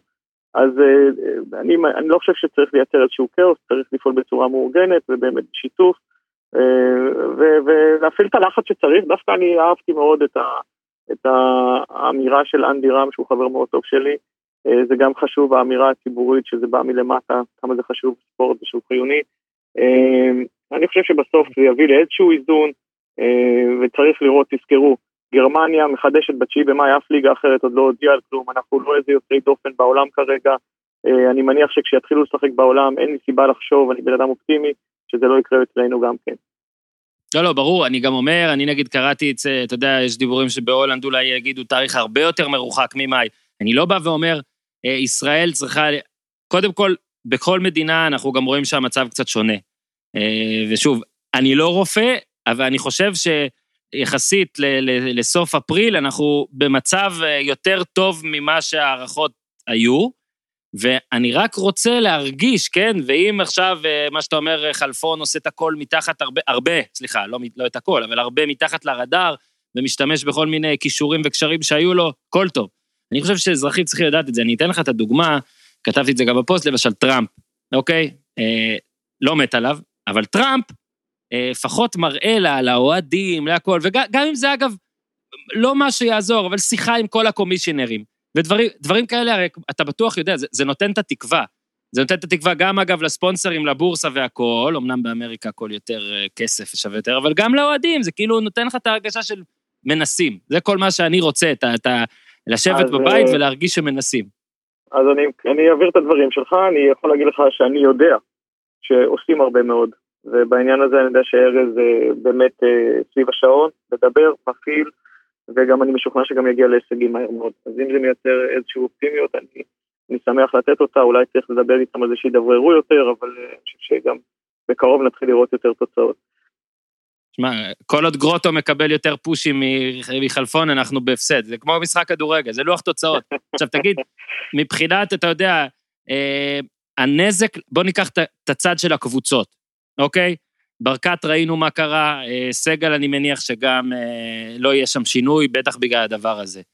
אה, היו כמה אנשים, גם הסוכן אוהד כהן, שיש לו הבנה כלכלית של השוק, ו, ובעיקר, אתה יודע, מנכ"ל הבורסה, איתי בן זאב, דיברו על, על, על, על כמה חשוב שהליגות יסתיימו, נגיד הוא דיבר כספונסרים, הבורסה ניירות ערך כספונסרים של המינהלת, עד כמה חשוב מה, מהפן של, של המינהלת למשל. אתה יכול קצת להסביר לנו עד כמה אה, רע זה אם למשל עונה של ליגת העל פשוט באמת עוד שבוע, שבועיים, חודש יודיעו לצערנו צריכה להיפסק ותתחיל, נקווה, בעונה הבאה? תראו, המקורות הכספיים של קבוצות מעבר להזרמות בעלים, זה נשען על אה, אה, טלוויזיה, טוטו, בחלק מהמקומות אה, כמובן גם ספונסרים, וכל ההסכמים האלה, כולם הם על בסיס של עונה שלמה. עכשיו, אם אתה מקזז מזה רבע עונה, ואתה מקזז גם את השיא של העונה, שזה הפלייאוף, אז uh, כמובן שיש לזה משמעויות כלכליות uh, נכבדות. Uh, ולא צריך להגיד לכם איזה משמעות, אפילו רק תבודדו את הטוטו על זה שכל פעם, שכל יום שאין משחק, נמנעות ממנו הכנסות, שהוא מחזיק את כל ענפי הספורט במדינת ישראל, לא רק כדורגל. מזה נגזרים uh, מיליארדים. כן, עכשיו... ולכן כולם רוצים להגיע לסוף. לפי הבנתך יש נקודת אל חזור, כי הרי גם כשגרוטו דיבר דברים כאלה, וגם כשחלפון אמר אז, על, לדעתי זה החלפון, תקנו אותי אם אני טועה, על ראשון, אחד במאי, מן הסתם אנשים עשו את הבירורים וגילו שהרי אנחנו כפופים לוופא פיפא, זאת אומרת, לא כל מדינה יכולה לקבל ולחיות בשקט אם, אם לקבל את ההחלטה הזאת בשם עצמה. אתה יכול לשתף אותנו קצת כן. בפינג פונגים, בענייני וופא, פיפא, החלטות על החלטות למעלה? טוב, למיטב ידיעתי המדינה היחידה שהודיעה על סיום ליגה זה בלגיה. מיד לאחר שהיא הודיעה יצא מכתב אה, חתום על ידי אה, נשיא ה-ECA, שזה איחוד הקבוצות, אניאלי של יובנטוס, פיפ"א וופ"א, שתקף מאוד את ההחלטה של הבלגים ואמר שליגות שיכריזו חד, חד צדדית על סיום הפעילות עלולות להיענש. אותו מספר שדיברתי עליו של פיפ"א בתחילת דבריי גם אפשר המון מנגנונים של המשכיות העונה מבחינת מועדי סיום עונה, העברות, השאלות, הוא, הוא נגע בכל הנקודות האלה. עכשיו יש את הצד השני, יש גם מסמך שוופא פרסמה לעניין מועדי הצ'מפיונס ליג והיא כתבה אם נחזור לפעילות עד מתישהו באפריל, אם נחזור לפעילות עד מתישהו במאי, כל זה מתכנסים לאיזשהו מועד שבסופו אפשר יהיה לשחק מתישהו את הגמר ביוני. ככל שהמועדים האלה, של אני מניח זה מתישהו תחילת מאי, אמצע מאי, יחלפו, יגיעו למסקנה שכבר לא ניתן כנראה אה, לשחק השנה, תזכרו שכל פעילות, מחי... החזרה לפעילות מחייבת שלושה שבועות הכנה, זה ממש, אורי יסביר את זה יותר טוב, אבל זה, זה ממש אה, טרום עונה, זה, זה הכנה של טרום עונה מה שצריך לעשות פה עכשיו. לכן אם אני מבין נכון, אם נגיע לסביבות אה, מתישהו במאי, אמצע מאי, בלי החלטה ברורה, שכוללת שלושה שבועות אימונים וחזרה למשחקים ואיזושהי מתכונת של חזרה למשחקים, איך חוזרים למשחקים, יש לנו את כל הכלים באצטדיונים כדי לחזור אה, לשחק, אם יש מספיק בדיקות לבצע לשחקנים כשצריך לבצע, אם לא יגיעו למתכונת פעילות כזאת, אני מניח שלא תהיה ברירה, אלא לסיים את העונה הזאת לצערי בלי, בלי להגיע לסיומה מבחינה ספורטיבית. אה, כן. מה שמורן אמר, אורן, לגבי כן. ההכנה של הקבוצות, זה למעשה פגרה של שחקן כדורגל היא... לפעמים עשרה ימים אם אתה במוקדמות ליגת האלופות, והיה לנו את זה כמה פעמים, בטח אם אתה שחקן נבחרת, וזה המינימום, והמקסימום זה חודש, חודש וחצי, כדי לחזור לפעילות, הרי יש תקופת הכנה לקראת העונה, כולל מחנה אימון, כולל אימוני הכנה, שזה במינימום חודש. זאת אומרת שעכשיו יקצרו את זה, אתה יודע, כמובן בצוק העיתים, אבל אה, אם יחזיר, אם מחליטים על תאריך, חייבים להחליט, להחזיר, להחליט לפני על תאריך חזרה לאימונים, שזה מינימום שלושה שבועות וזה קבוצות אחרות לגמרי. כי באמת, יש פה פגרה כפויה, שהיא לא רק פגרה כפויה, אלא השחקנים לא יכלו להתאמן בכלל, הם די היו סגורים בביתם, והם לא יכלו לצאת להתאמן בים, או לצאת להתאמן עם חברים אחרים, או לעשות אימונים אישיים. זאת אומרת, זו סיטואציה אה, מורכבת. היתרון היחיד שכולם היו באותה ספינה. ובעניין אחר, בואו נעבור דווקא לכובע של מורן כאיש התאחדות. אה, קודם כל, אני רוצה לשאול על אה, שינו זוארץ, אתה היית אחד מאלה ש... אה, אני יודע, דחפו, שמחו שהוא הגיע, עשו גם כמה, אתה יודע, עשו כמה התאמות בשבילו, ופתאום הוא עזב. בוא תספר את זה מהצד שלך, אתה יודע, היו הרבה תקוות ששינו הגיע, איש באמת שעשה הרבה דברים יפים לכדורגל, הוא הגיע גם עם הרבה מאוד מוטיבציה. איך זה הרגיש? מה... למה זה קרה בכלל? למה הוא עזב בצורה כזאת פתאומית אחרי שהוא הגיע עם אה, כל כך הרבה התלהבות ואחרי כל כך הרבה מאמצים להביא אותו? אה, קודם כל, באמת שינו הוא איש נהדר, הוא גם חבר. אה, אני חושב שזו אחת הייתה המגרעות שלו. שינו, לא יודע להגיד לאף בן אדם כמעט לא, הוא... פתאום נוצר איזשהו מערכת לחצים שהוא רוצה שכולם יהיו מרוצים. והיו לזה עוד כל מיני השלכות, שזה התחיל, אה, אם אני הבנתי נכון, וזה דברים שהוא אמר לי, לא רוצה להיכנס לדברים יותר מדי אישיים, אבל זה גם התחיל לפגוע בו. והוא הבין שבאותו רגע הוא לא, הוא לא, תראה, לנהל התאחדות כדורגל מוסד ציבורי, אה, עם כל מה שיש שם, ועדות, ושקיפות, ו-29 חברי הנהלה, ותקשורת, זה לא כמו לנהל עסק פרטי, אתה יכול להיות מעולה בלנהל עסק פרטי, וזה עולם אחר לגמרי לנהל מוסד ציבורי, ושזו הפעם הראשונה ששינו בעצמו נתקל בניהול מוסד ציבורי ומה זה דורש, ובאותה עת הוא החליט שזה גובה ממנו מחיר יקר מדי, ולצערנו הוא עזב. אגב, כן. רק נגיד ש... לא, אני דווקא הייתי הולך פה על הצד הכללי ופחות רק על שינו. אה, להגיד שאני ראיתי את זה, אה, ואני לא מכיר אותו, אוקיי? אני לא יכול לתת לו יותר מדי מחמאות, אני לא יכול לתת לו יותר מדי ביקורת, לא מכיר יותר מדי לעומק את, את uh, מה שהוא עשה לגמרי, אבל כאילו לי לקח זה בקטע הכללי של מה זה אומר כשבן אדם שרצה את התפקיד הזה, ואומנם כן, אתה יודע, זה לא, זה התנדבותי, וכל מה שזה, כאילו, מה זה אומר שהוא הולך, עד כמה נגיד סבוך המצב, זה מה שלי יותר נגיד הפריע, ואגב, מורן, גם הדברים שאתה מספר פה, ומן הסתם לא, מן הסתם בהנהלת ההתאחדות, בהתאחדות עצמה, לא כולם צריכים לבוא ולהסכים אחד עם השני כל הזמן, זה לא, זה גם לא מודל נכון. לי מרגיש מהצד כאילו מאוד קשה שם. זה, זו, זו אמירה שלי. מאוד מאוד קשה וסבוך. אני יכול להמשיך את מה שאורן שואל, מורן, מתי לדעתך, הרי יש התאחדויות בעולם שיש באמת שחקן עבר, או מישהו מה, מהמקצוע, שהוא יושב ראש ההתאחדות, או האיש, אתה יודע, בעמדה הכי בכירה בהתאחדות, מבחינה מקצועית. מתי זה יקרה אצלנו? כי הרי רוב האנשים שהם אה, היום בהתאחדות, בטח היושב ראש, הם אה, לא, אנש, לא אנשים שעסקו אה, בפועל, אורן חסון עסק, אבל לא באמת היו ספורטאים מקצוענים ברמה הכי גבוהה. האם אתה רואה... מורן אורי מריץ את עצמו, מורן. לא, לא, ממש לא, אני הכי רחוק מעסקנות, אבל מתי אתה רואה באמת הזדמנות, מצב שבאמת מישהו מעולם הכדורגל, שחי את הכדורגל, הוא באמת יהיה בראש הפירמידה. יש את זה כמובן באיסלנד ויש את זה במקומות נוספים. אני לא חושב שזה עניין של אה, תביעות. תראה, אני שאלתי את עצמי, אוקיי, איפה טעינו עם שינו? והגעתי למסקנה מהר מאוד שהטעות הייתה שאני לא לקחתי את העולם הזה, העולם הציבורי, מה זה התאחדות, ושאלתי או הסברתי מספיק טוב לשינו לפני שהוא בא לתפקיד, מה זה דורש ממנו? זה המון פוליטיקה, זה המון אה, אה, הסכמות, אתה צריך לייצר קואליציות, צריך כל מיני דברים. יש באמת אינטרסים לכל השולחן, לכל, לכל מיני כיוונים, בכל מיני מקומות של השולחן. אה, אגב, זה לא שונה ממקומות אחרים בעולם, אבל אתה צריך שיהיה לך, זה כמו בן אדם שהולך לפוליטיקה, זה כמו בן אדם שהולך להיות בראשות ממשלה. אתה צריך את הכישורים, אתה צריך את הפשן להתעסק גם בדברים האלה. אתה לא יכול לנתק את זה. והבן אדם שמתאים לעשות את התפקיד הזה זה מישהו שיש לו את מכלול הדברים האלה.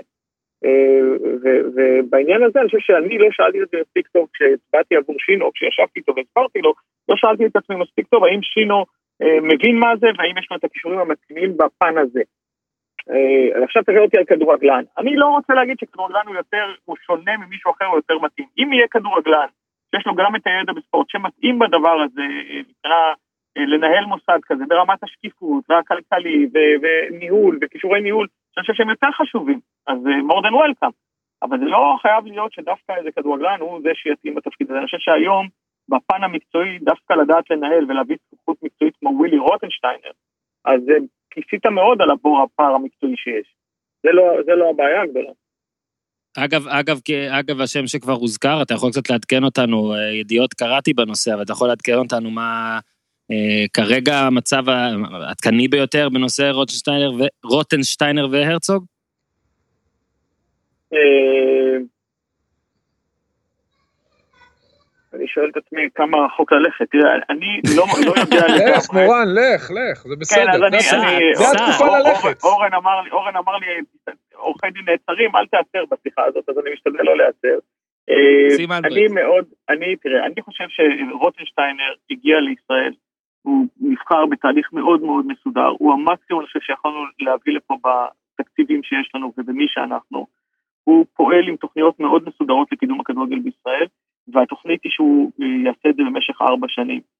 אה, אני מאוד מקווה שלא בעקבות הסיטואציה שיש עכשיו, ינצלו כאילו את העניין הכלכלי כדי להיפרד אה, מדרכו של רוטנשטיינר, ואז נכנסים עוד פעם האינטרסים, וזה צריך לדאוג להוא, ישראלי הזה, וזה צריך לדאוג להוא, וכולם בהתאחדות הכדורגל נוח להם כל אחד לדאוג לצד שלו, ובסוף לא מקדמים את הכדורגל.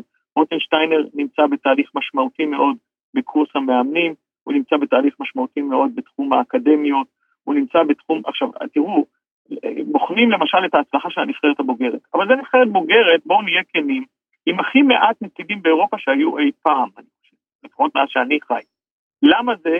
כי זה בא אחרי מדבר של שנים של חוסר טיפוח של מה שההתאחדות הייתה צריכה לטפח, שזה את הנוער, את התוכניות אימון, את האקדמיות, כשכל העולם מתפתח ואנחנו נשארנו מאחורה, וכמובן גם מאמנים.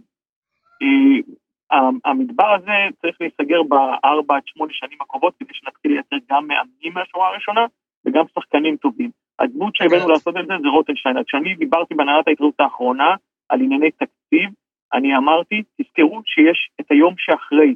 לא לחתוך עכשיו הכל, ואני מפחד שעושים את זה מתוך אינטרסים לא נקיים. אני מבטיח לכם שאם אני אתרשם ככה, אני גם אגיד את זה. אני, לא יהיה לי מספיק כוח פוליטי אולי בהתאחדות לעצור את זה. אבל להרבה אנשים... מה? מורן, אתה דיברת עכשיו, ואני מסכים איתך. אני לא חושב שצריך לשפוט את רוטנשטיינר על אה, רוטנשטיינר על, שם, על סמך ההצלחה או אי ההצלחה של הנבחרת הבוגרת שנמצאת בתהליך של אה, ירידה מתמדת כבר אה, חמישה-שישה קמפיינים, ו... רמת השחקנים כמובן יורדת ופחות ליגונרים בליגות הגדולות. אבל דווקא בגלל זה, חוסר העובדה שהוא נתן למאמנים, יש חוסר, הש... הש... למעשה הוא לא יצר שינוי בקשר בין ההתאחדות או נבחרות הנוער והנערים לקבוצות, הוא כמעט לא נמצא באימונים של הנבחרות הצעירות, רק עכשיו הוא אולי עושה שינויים במצבת המאמנים של הנבחרות הצעירות, אני מדבר על הנוער ודרומה, איפה הוא היה בכל התהליך הזה? הוא למעשה היה כל הזמן עם הנבחרת הבוגרת, הוא לא טס עם האולימפית, הוא לא טס עם הנוער, זאת אומרת, הוא שם את כל יהבו על הנבחרת הבוגרת, ולכן הביקורת שהוא מקבל היא מוצדקת. הוא לא אה, התייחס כמעט לנבחרות הצעירות, ואני אומר לך את זה ממקור, אה, מידיעה, הוא גם לא הכיר אפילו חלק מעוזרי המאמנים של נבחרות הנערים. אז אה, אם אתה אומר שצריך לשפוט אותו על סמך העתיד, בקורסי המאמנים, דרך אגב, הוא עושה שינוי מבורך, ועל זה מגיע לו שאפו. אם אתה אומר שצריך לשפוט אותו לגבי העתיד ולגבי ההשקעה באקדמיות ובקבוצות הצעירות, דווקא פה הכישלון הכי גדול שלו. אני ממש לא מסכים איתך, אורי, אני חייב להגיד. גם התוצאות, גם התוצאות מוכיחות את זה, מורן. הפסדנו לאנדורה, הפסדנו לאנדורה בנבחרת הנערים. כל הנבחרות הצעירות כושלות ולא מגיעות לנבחרות, למרות שדווקא שם הפערים יותר קטנים מהנבחרת הבוגרת, ואני אומר לך שגם אין תוכניות אימונים אה, לנבחרות הנערים, אולי עכשיו יהיו, יכול להיות שהוא הזניח את זה עד עכשיו, אבל זה מה שעד עכשיו, אני אומר לך גם, בגלל שזה נושא שאני חי איתו, אין שום שינוי באינטראקציה בין הקבוצות להתאחדות, ששם יש, לנבחרות, ששם יש גם הרבה בעיות, אה, ובקטע הזה הוא לא התערב מספיק, או לא התערב בכלל, או לא רצה להתערב, ופה דווקא לא היה שינוי, אלא להפך, אם, ואם היה שינוי, היה שינוי לרעה. אז אני רוצה להגיד לך משהו. אה, אני מתרשם אחרת לגמרי, ואני אגיד לך גם משהו מניסיוני במכבי תל אביב בעניין הזה. כשהביאו את אה, פטריק ון לובן למחלקת נוער, תאמין לי אורי, יש לי בערך 50-60 מכתבים שקיבלתי תלונות מכל מי שאתה רוצה. כמה הוא לא בסדר, כמה הוא לא יודע, כמה הוא לא טוב. אנחנו, הישראלים, יש לנו נטייה, קודם כל להסביר שהוא לא עשה פה, והוא לא החליף מאמנים בנערים, והוא לא בנה תוכניות אימון כאלה, והוא גרוע פה והוא גרוע שם. אבל מה שיפה בנקודת, מבטי הוא שאנחנו הבאנו אותו כדי שילמד אותנו וללמוד ממנו. אז קודם כל תסכים איתי שהוא איש חרוץ מאוד, כן? והוא אה, שינה הרבה מאוד דברים בתוך המחלקות עצמם, כמו אה, מנהלי קבוצות במשרה מלאה, כמו חיוב המאמנים להגיע בצורה מסודרת ולהגיש תוכניות בצורה מסודרת, אולי אתה לא רואה את הכל, אולי זה עדיין מוקדם. תהליך לא בוחנים בשנייה כזו ואומרים לו פה לא עשית מספיק או לא פה, הוא עובד בצורה מאוד מסודרת. אני גם שאלתי אותו את השאלה הזאת.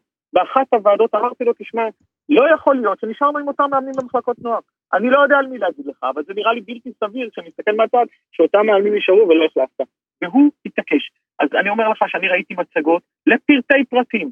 מה הוא יודע, על מי הוא יודע, איך הוא יודע, זה היה אה, מרשים מאוד, זה היה משכנע מאוד, ואני חושב שאם ייתנו לו לעבוד, אורי, ייתנו שקט, מה שמועדון כדורגל יכול לעשות. מכבי תל אביב, הבעלים יכול להגיד, אני, זה פטריק, הוא עכשיו מנהל את המחלקת נוער, אני נותן לו שלוש-ארבע שנים את המפתחות ואני מחכה לתוצאות. מועדון יותר יכול לעשות את זה, ההתאחדות חייבת לדעת לעשות את זה גם כן, ולבחון את התוצאות שלו, לא עכשיו כמו שאתה אורי אומר את זה, אלא לבוא בעוד שנתיים ולראות את התוצאות ולדבר על השינוי שהיה פה. ותזכור מה אני אומר לך, אם ייתנו לו לעבוד לאיש הזה, הוא עשה, הוא יעשה, הוא מאוד מוערך גם באירופה, והוא מביא הרבה ידע, ואני מתרשם מאוד גם מאוד מהחריצות שלו ומהפשן שלו, מהתשוקה שלו, להשפיע על הכדורגל הישראלי. כשאני רואה את כל המוטיבים האלה, אין לי ספק שאינטרסנטים לא יתערבו בעבודה ולא יבואו מכל מיני שיקולים פוליטיים ולא ינצלו את המצב עכשיו של קורונה כי להגיד אין לנו כסף כן לשלם או לא לשלם ולא מצליחים להגיע לסידור כזה או אחר איתו וימהרו אה, להיפרד ממנו, אז אני חושב שאם אתה תבחן את זה בתום התקופה של ארבע שנים, אתה תראה שהכדורגל הישראלי סוף סוף, אחרי הרבה מאוד שנים במדבר שלא השקיע כמו שצריך, יביא איזה שהן תוצאות. אתה תראה אקדמיות, אתה תראה קורסי מאמנים אחרים, אתה תראה שהתורה שלו תתחיל להיות מופצת גם ברחבי המדינה בצורה אחרת. זה עוד מוקדם, אורי, לתת ציונים למישהו. לא, אני מסכים איתך לגבי ארבע שנים, אני חושב שצריך לתת לו את הארבע שנים, כי אי אפשר לראות, בטח ברמת נבחרות, אה, אי אפשר לראות שינויים תוך שנתיים. לגבי פטריק, אני מכיר אותו טוב, למדתי ממנו המון, אה, ואני חושב שמכבי עשו החלטה טובה. ושוב, עם רוטנשטיינר, ואני אמשיך את השאלה, האם באמת אבל תהיה לו את העצמאות לבחור את המאמן הבא, או שהרצוג ימשיך להחליט על המשך דרכו של הרצוג, האם באמת הוא יקבל את החופש הזה, אתה יודע, ולא עוד, אה, והוא יישאר ארבע שנים עם, אתה יודע, כנפיים מקוצצות, זאת, זאת השאלה. אתה יודע, כי אם בסוף... אז אני אספר לכם, אני אספר לכם... כי יש הרבה ספקולציות עכשיו באוויר.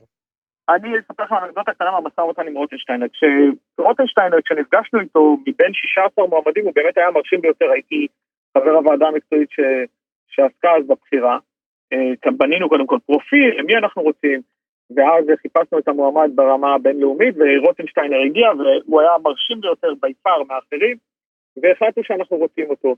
וביום שישי הודענו לו שאנחנו רוצים אותו, ובמוצאי שבת הוא שלח אימייל ואמר, אני נורא מצטער, אני לא אוכל להגיע.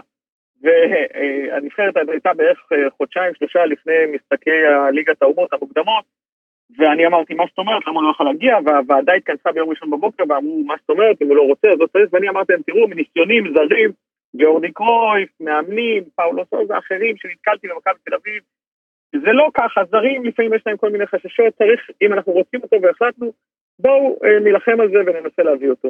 ואז שוחחתי איתו בטלפון, והוא אה, אמר לי, אמרתי לו, תראה, ביום שישי אתה עוד היית בעניין ורצית לבוא, מה קרה בין שישי לשבת? אז הוא אמר, שלושה דברים מפריעים לי. אמרתי לו, מה? הוא אמר, הדבר, ה, ה, קודם כל, ההצעה שנתתם לי, אני רוצה לנהל משא ומתן על כספי, אמרתי לו, תראה, זה התאחדות לכדורגל, זה לא בעלים, יש פה תקציב, מה שאפשר, ויגיעו למקסימום, זה מה שישלמו, לא תוכל יותר מזה. אוקיי, מה הנושא השני?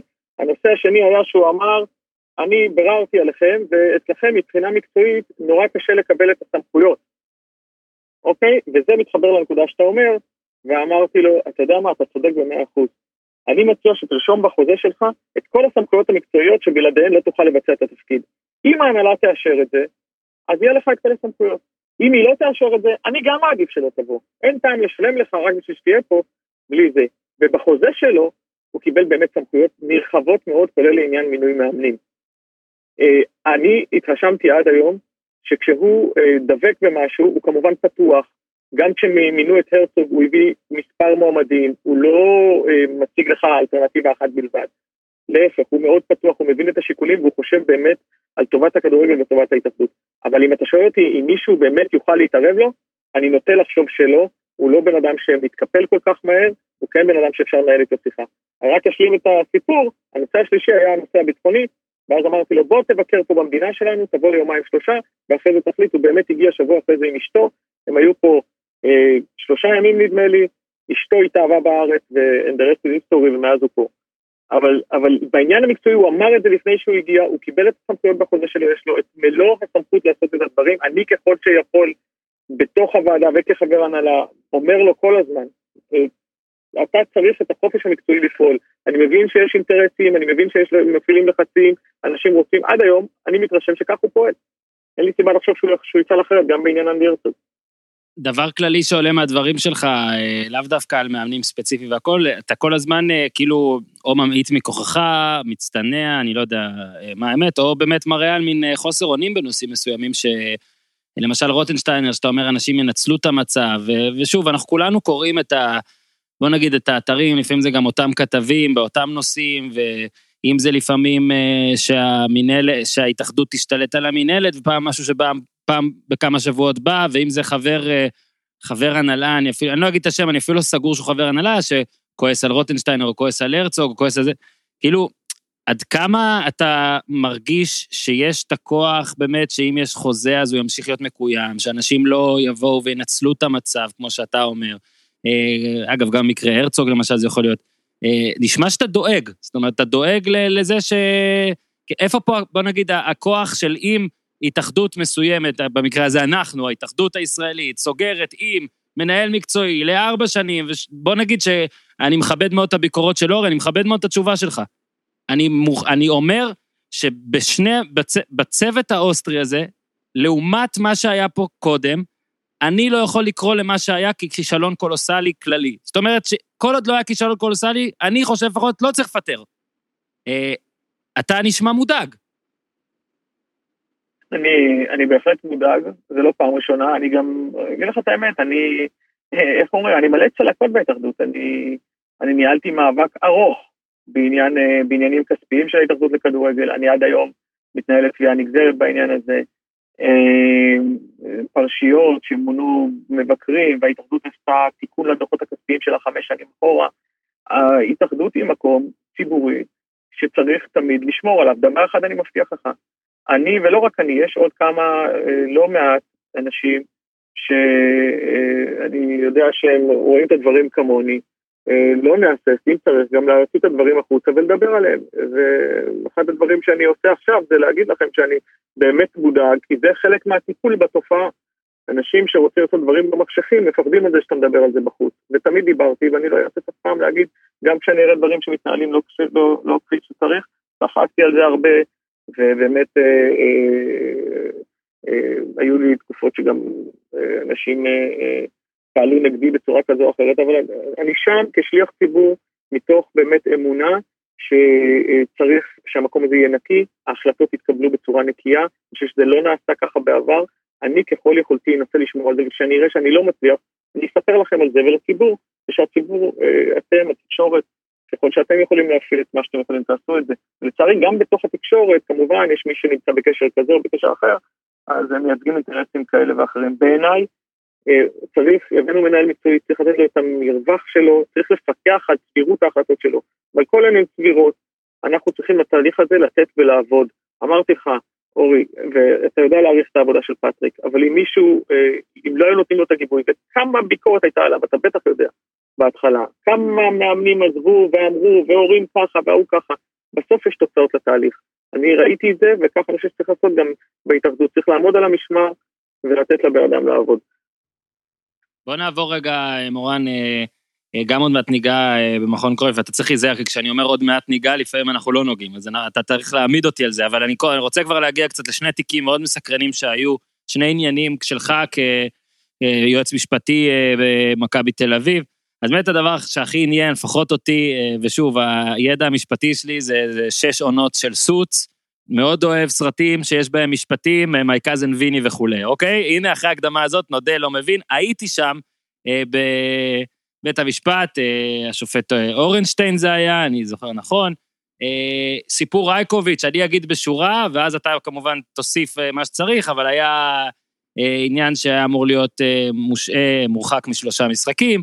אה, אתם ניסיתם לעכב את, ה, את הביצוע וטענתם, מצאתם... אה, איזה, לא יודע, לקרוא לזה לופול, או שמה שהיה שם לא תקני, איזה זכות ייצוג, לא היה בכלל, ולא היה באנגלית והכל, והצלחת, אה, שורה תחתונה, הצלחתם מכבי תל אביב, ששעתיים או שעתיים וחצי לפני משחק נגד הפועל באר שבע, שופט חיצוני, זאת אומרת שופט של בית משפט ישראלי ולא דין, דיין התאחדות, אה, דחה את העונש ולמעשה, אני נותן לך פה שורה תחתונה שלי מהצד, שוער שהיה צריך להיות לפי, אה, חוקי כדורגל, מורחק משלושה משחקים באופן מיידי, הצלחת לדחות את זה לגביע הטוטו, שאני אמנם לא מזלזל בגביע הטוטו, אבל אני כן מזלזל בו, אה, כי במשחק נגד באר שבע הוא שיחק. אה, וזה היה מה שמאוד מאוד חשוב. אם אתה יכול קצת לספר, אה, לצד ה, אה, אה, איך שסיפרתי את זה, גם על השתלשלות האירועים, וגם על, אתה יודע, על, על מה זה עשה לך התיק הזה, במישור הספורט, בעולם הזה שלנו.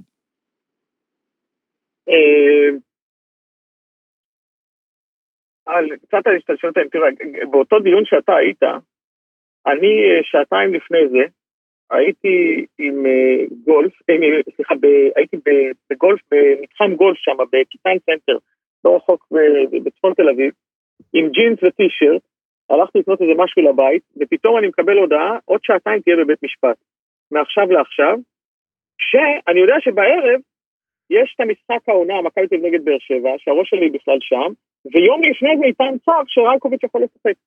ופתאום אתה אומר לך, רגע, איך קרה כל הדבר הזה? אה, אז גם אה, אני חושב שבתיק הזה, לצערי, אה, עד היום לא באמת נעשה איזשהו תחקור רציני בתוך ההתאחדות לכדורגל. זה, אני לא נכנס למה היה באותו משחק בסכנין, אחד חושב ככה, אחד חושב אחרת, אבל לא לאפשר ייצוג בתיק הזה, בנסיבות שהיו שם, לשחקן זר, בן 19, שבאמת לא מכיר את הדין הישראלי, לא יכול לייצג את עצמו. אני חושב שזה היה אה, מוגזם, אה, אני הבנתי את זה מהר מאוד. אפשר היה לתת לייצג ולהעניש אחרי זה, לא היה קורה שום אסון.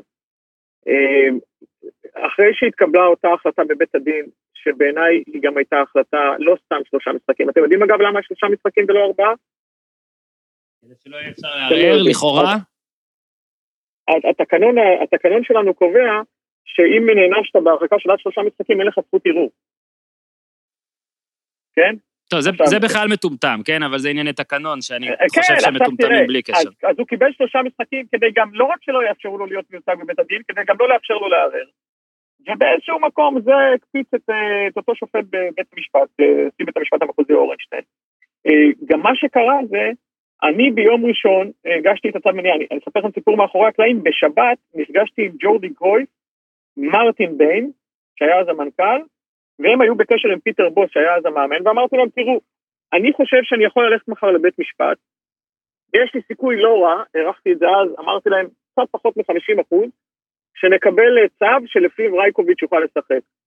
הבעיה היא שכמו שאני צופה את התהליך הזה, אם אני מגיש מחר את ההחלטה, אז uh, היא או תתקבל בבית המשפט המחוזי או תידחה.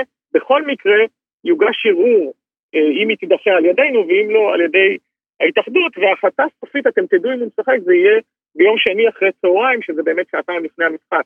האם לעשות את זה או לא? ואמרו לי, תעשה את זה.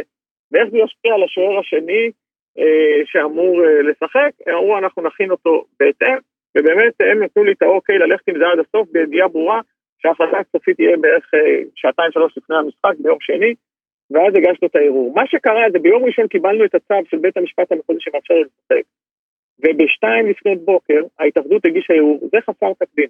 והשופט בבית המשפט המחוזי, אני לא אשכח שהוא אמר על זה בא כוח ההתאחדות, הוא אומר, אתם פשוט תפסתם צד במאבק על אליפות. מה בער לכם בשתיים לפנות בוקר לרוץ לבית המשפט כדי לנסות לבטל את ההחלטה הזאת? מה הדרמה הגדולה? אני יכול לענות רגע כאילו אני הם? בבקשה. אני חושב שמה, שוב, אתה שמה מבין, יודע, אני לא עשיתי את זה משיחות, אני הייתי במשפט ושמעתי כמה דברים, ושמעתי גם שבמהלך המשפט היה מין איזה משהו אה, בסגנון הזה, נראה לי נאמר לעורך הדין הורוביץ, משהו כזה, כאילו שאתם... למה זה כזה חשוב, או למה זה כזה חשוב לכם? והוא ענה, ועם זה אני דווקא די מסכים, הרי בסופו של דבר, עזוב עכשיו, התקנון, אני שונא אותו.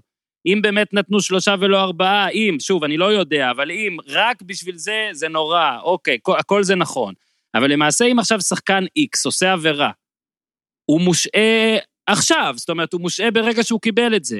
אה, אתם ניסיתם, אתה יודע, לדחות את זה, אה, מן הסתם באותה חשיבות, הרבה בגלל המשחק הזה מול באר שבע. בסוף הצלחת לדחות את זה בכלל, אבל זה בונוס כנראה. אבל לא נראה לך, נגיד, היה הגיוני שהם ירצו פשוט לעשות את זה כדין שווה לכולם? של נכון, אבל עשית תראה, עבירה, תיענש עכשיו? תראה, אבל תראה מה מוביל מה. הרי אני הופעתי המון פעמים בבתי הדין, גם הצגתי שחקנים. אני לא אשכח בסיפור הזה של המשחק שהתפוצץ במכבי פתח תקווה להפועל חיפה, אתם זוכרים את זה, כן? הצגתי אז את דני פרדה במכבי פתח תקווה. אני החזקתי את דני פרדה באותו משחק. שלא ירביץ, לא הצלחתי. כשלתי כישלון חרוץ, אתה הצלחת. כן, לא, אז הצגתי אז את דני פרדה, נתנו לי לייצג אותו. ועוד הרבה מאוד מקרים שהצגתי בבתי הדין שחקנים, מקרה של טל בן חיים שהורחק לי באדום אה, עקב מצלמות אה, טלוויזיה, כל מיני מקרים. לא קרה לי מקרה מעולם שדיין אמר לי, אתה לא רשאי לייצג שחקן. למה? במקרה כזה הייתה תחושה בתוך מכבי תל אביב, שבאמת הגוף הזה שנקרא התאחדות, שאמור להיות ניטרלי, שאמור לאפשר דין שווה לכולם, לקח צד. וזה מתחיל עוד לפני זה. למה לא לאפשר את הדבר הבסיסי ביותר, וזכות ייצוג זה דבר בסיסי. עכשיו, התקנון שלנו מאז שונה, כן? אבל גם אז, אני אומר לכם, באותם ימים, זה היה חריג לא לתת לשחקן זר בליגת העל בנסיבות כאלה, אפשרות לייצג את עצמו. ומפה מתחיל אני... שרשרת הטעויות. עכשיו, אני, אני שואל, זה גם שאלה שתמיד רציתי לשאול אותך או את מי ש... הרי בדוגרי, ושוב, זה מהלך משפטי, אני לא נגדו. אתה מצאת איזה משהו, ועל סמך הדבר הזה הצלחת במקרה, שוב, בעולם הזה שלך לנצח. נגיד אבל בדוגרי, אם הוא היה מיוצג, על ידיך, על ידי, לא יודע, מי שרציתם לשלוח, מה, היה, אתה חושב שהעונש היה אחר? או שאתה פשוט אומר, יצא, יצא לנו טוב, זאת אומרת, יצא לנו טוב שהם עשו את הדבר הלא טוב הזה.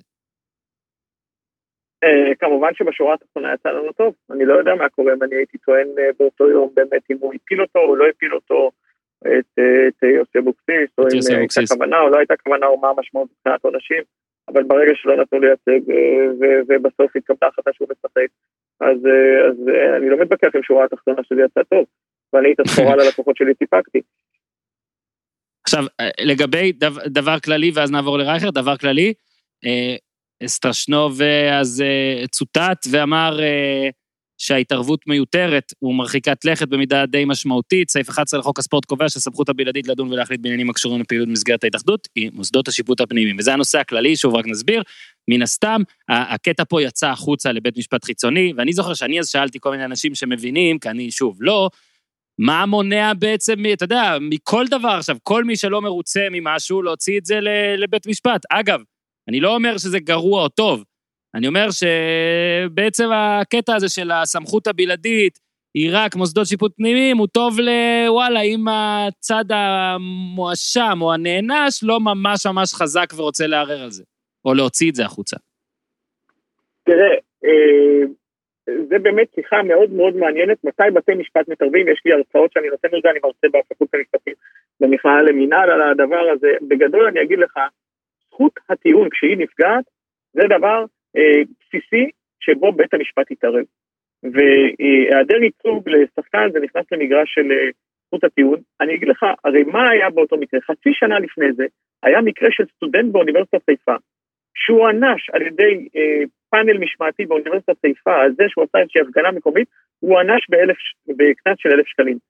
ולא נתנו לו להיות מיוצג על ידי עורך דין. אותו סטודנט הגיע לבית המשפט העליון, ובית המשפט העליון קבע אז הלכה, שבמקרים שבהם צפויה סנקציה חמורה למישהו, או שהוא לא מכיר את הדין מספיק טוב, יש לאפשר לו ייצוג גם בערכאות אה, משפטיות פנימיות. אני נשענתי באותו דיון על אותו פסק דין ב, אה, של אוניברסיטת חיפה.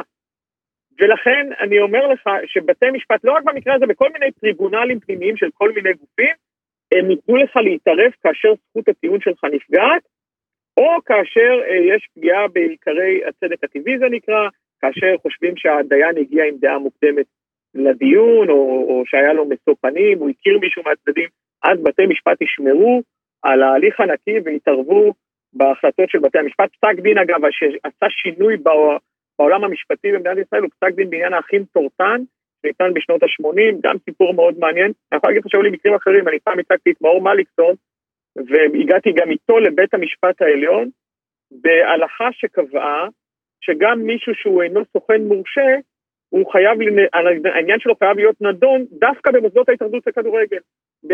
דוגמה הפוכה, אם תרצה ניכנס לזה פעם, אבל לא רוצה סתם לשעמם אתכם, אבל אה, יש מקרים ברורים מתי מתערבים ומתי לא מתערבים, זה היה מקרה קלאסי של התערבות בתי משפט. עכשיו, אה, הסיפור על רייכרד, ש... תשמע, קצת מוזר אה, שכל, אתה יודע, כבר ב-2020, בקיץ 2015, אנחנו עכשיו אותו קיץ 2020, וכבר, אה, לצ... אה, כאילו, זה מצער להגיד, אבל כבר שנתיים, שלוש, האיש לא יותר מדי רלוונטי. כשנזכרים באיזה קיץ זה היה, זה היה כאילו הבן אדם אמור עכשיו להיות הסופרסטאר של הכדורגל הישראלי. אם אתה יכול קצת לספר מה קרה, זאת אומרת, איך זה התחיל, וכן על, על הקטע, או נגיד המשפטי, או המאחורי הקלעים, שהוביל לזה שתג המחיר נקבע למיליון יורו, וקראתי גם שהיית באיזה ערב עם אוהדים, ושם סופר שזה אפילו היה כאילו אפשר להעריך את זה על מיליון יורו ל-50 אחוז כרטיס. אה, קצת על, על, על מה שהוביל אה, לעזיבת רייכרד, נזכיר למאזינים שאולי שכחו שקצת לפני זה, אותו חורף, הוא הרי הושאל להפועל וחזר בקיץ למכבי תל אביב, ואז קרה המקרה. אה, קודם כל זה לא אפשר להעריך, אלה עובדות. מכבי תל אביב הייתה אז בעלים של 50 אחוז בזכויות הכלכליות של רייכרט, ואותם 50 אחוז נמכרו במיליון יורו. אה, אפילו קצת יותר, אבל לא, לא ניכנס לזה, לכן השווי של אותה עסקה הוא היה שווי לפי 2 מיליון יורו לרייכרט. אה, מה היה באותו מקרה? אני זוכר שבאותו קיץ פגשתי את אבא של איתי בן זאב, אה, ברי בן זאב, שאז היה בתפקיד ניהולי בכיר בהפועל, והוא אמר לי, פגשתי אותו, זה היה בגמר ליגת האלופות בברלין, והוא אמר לי, רייכרט ישחק בהפועל בשנה הבאה, אמרתי לו, אבל למה? יש לו חוזה במכבי, הוא שחקן של מכבי, הוא אמר ככה, אתם לא יכולים להשאיר אותו, הוא לא שבוי, וזה אמרתי לו, הוא לא שבוי של אף אחד, אבל אם אתם רוצים לנהל משא ומתן על שחקן, על כל שחקן, כמו שאנחנו ידענו לנהל על גילי ורמוט כמה חודשים לפני זה, יודעים לדבר, תבואו לדבר, ונשקול. אה, והוא אמר לי, אנחנו ניקח אותו, וזה לא יהיה ביותר מ... נדמה לי שהוא אמר 200 אלף או משהו כזה. אה, ואמרתי לו, אני לא חושב שזה מחיר ריאלי, והוא פוטנציאל מאוד גדול, ומכבי תל אביב רוצה אותו, והוא יחזור, והכל יהיה בסדר. ובאמת אה, היה כל מיני רכשים סביב רייקארט, מה קורה, הוא יגיע, הוא לא יגיע, היה איזה בוקר אחד שעורך דין שפרלינג התראיין בגל"צ ואמר מכבי תל אביב מחזיקה בו כמו, אני לא זוכר באיזה ארגון, אה, אה, לא חמאס ולא חיזבאללה, אה, שכחתי את השם של הארגון שהוא, שהוא השתמש בו, אה, כאילו היא מחזיקה בו כבן ערובה, ובערב... כן, היה איזה וידאו כזה, בגלל זה. כן, ואבי נמני אמר לו, תוציא קליפ, אז במדי מכבי תל אביב הוציא קליפ, שהוא, אה, שהדברים ששפרלינג אמר הם לא על דעתו, והוא הכל בסדר במכבי תל אביב, הוא רוצה להיות במכבי תל אביב. ובאמת, הכל היה כזה לא ברור, אה, הוא לא אמר כלום, אה, ואז שבת אחת הוא לא הגיע לאימון. וכשהוא לא הגיע לאימון הבנו שיש פה אירוע, מיד עדכנו אותי, בני טבק היה מנהל קבוצה ועדכן אותי, ואני הבנתי מהר מאוד שכל עוד אנחנו לא מפרים את ההסכם, אין לו, ואנחנו יוצרים את סביבת עבודה בשבילו שהוא תמיד יכול לחזור, אז אין לו באמת עילה לעזוב את מכבי תל אביב בלי ביצוע עסקה. כן, תמיד יש איזושהי התנגשות בין חופש העיסוק לבין הזכויות הכלכליות בכרטיסים של בשחקנים, אבל לא, זה, זה היה ברור לי שיש לו חוזה במכבי תל אביב, הכל תקף, כולם יודעים, הוא האריך את החוזה שלו אה, חודש אחרי שהוא עבר להפועל תל אביב, הוא האריך את החוזה שלו במכבי תל אביב, הוא קיבל עוד כסף במכבי תל אביב, ידעתי שעילה משפטית אין לו, לא עשינו שום דבר רע. אה, ואז הדבר היחיד שהיה חשוב לי לשמור זה על סביבה כזאת שהוא יכול לחזור אליה, ואם תסתכלו באותה תקופה על התגובות של מכבי תל אביב, מכבי תל אביב כל הזמן אומרת, רייקרס הוא שחקן מצוין, והוא נקלע לאיזושהי סערת רגשות, מופעלים עליו לחצים, אבל אנחנו מחכים שהוא יחזור. לא הוצאנו לו שום מכתב על זה שהוא לא הגיע לאימונים, לא העמדנו אותו לוועדת משמעת. כל החשיבה שלנו הייתה לא, לא לאפשר לו שום טענה שקשורה להפרת הסכם מצד מכבי תל אביב, ולכן לא ייצרנו לו שום מילה. אה, וספגנו, גם אנחנו ספגנו אז ביקורת, האוהדים שלנו, מה זה ועדת משמעת, ותקנסו אותו, ואיך הוא מדבר ככה, ואיך יכול להיות שהוא רוצה הפועל ולא מכבי, כמובן זה אמוציות בגלל שזה שתי הקבוצות התל אביביות וטירוף, אבל אה, אני חושב שפעלנו באופן די סטרילי, ולרייקרס לא הייתה באמת סיבה אמיתית להגיד שמכבי תל אביב אה, הפרה איתו איזשהו סיכום, והוא הגיש את התביעה לבוררות. היא ניסה אחרי זה, אה, הוא יצר קשר עם ג'ורדי כשהקבוצה הייתה באוסטריה. למחרת אותו אימון שלו הגיע, הקבוצה טסה לאוסטריה. והוא יצר קשר עם ג'ורדי ואמר לו אני חושש להגיע, מופעלים עליי לחצים וזה, ג'ורדי אמר לו אני נמצא פה באוסטריה, הכל מאוד שקט, אנחנו במתקן אימונים של כדורגל, אף אחד לא יגיע לפה, אני אישית אבוא לקחת אותך, וזהו כמובן לא הגיע, הוא רק חיזק את זה שאין באמת רציונל אה, להפרת ההסכם שלו במכבי תל אביב. נוהלה בוררות, במהלכה גם יצא לי לחקור אותו חקירה נגדית כמה שעות, אה, אה, ואני חושב שבהפועל הבינו שאין עילה אמיתית לשחרורו של רייכרט, וממש בבוקר שבו היה אמור להתפרסם פסק הבוררות, הגענו לפשרה שבה אנחנו, מכבי תל אביב תקבל מיליון יורו, אני חושב שדי היה ברור שהבורר לא מתכוון אה, אה, לפסוק שהוא משוחרר ממכבי תל אביב, בהיעדר סיבה לשחרר אותו. הסיפור הזה ממשיך בזה שבאותו בוקר חתמנו על עסקת הפשרה, אני חייב להגיד שמי שדחף כל הזמן לסכום של מיליון יורו היה ג'ורדי, כשהגענו ל-900 אלף אני אמרתי, טוב, נראה לי סכום סביר, 900 אלף על 50 אחוז, 900 אלף יורו.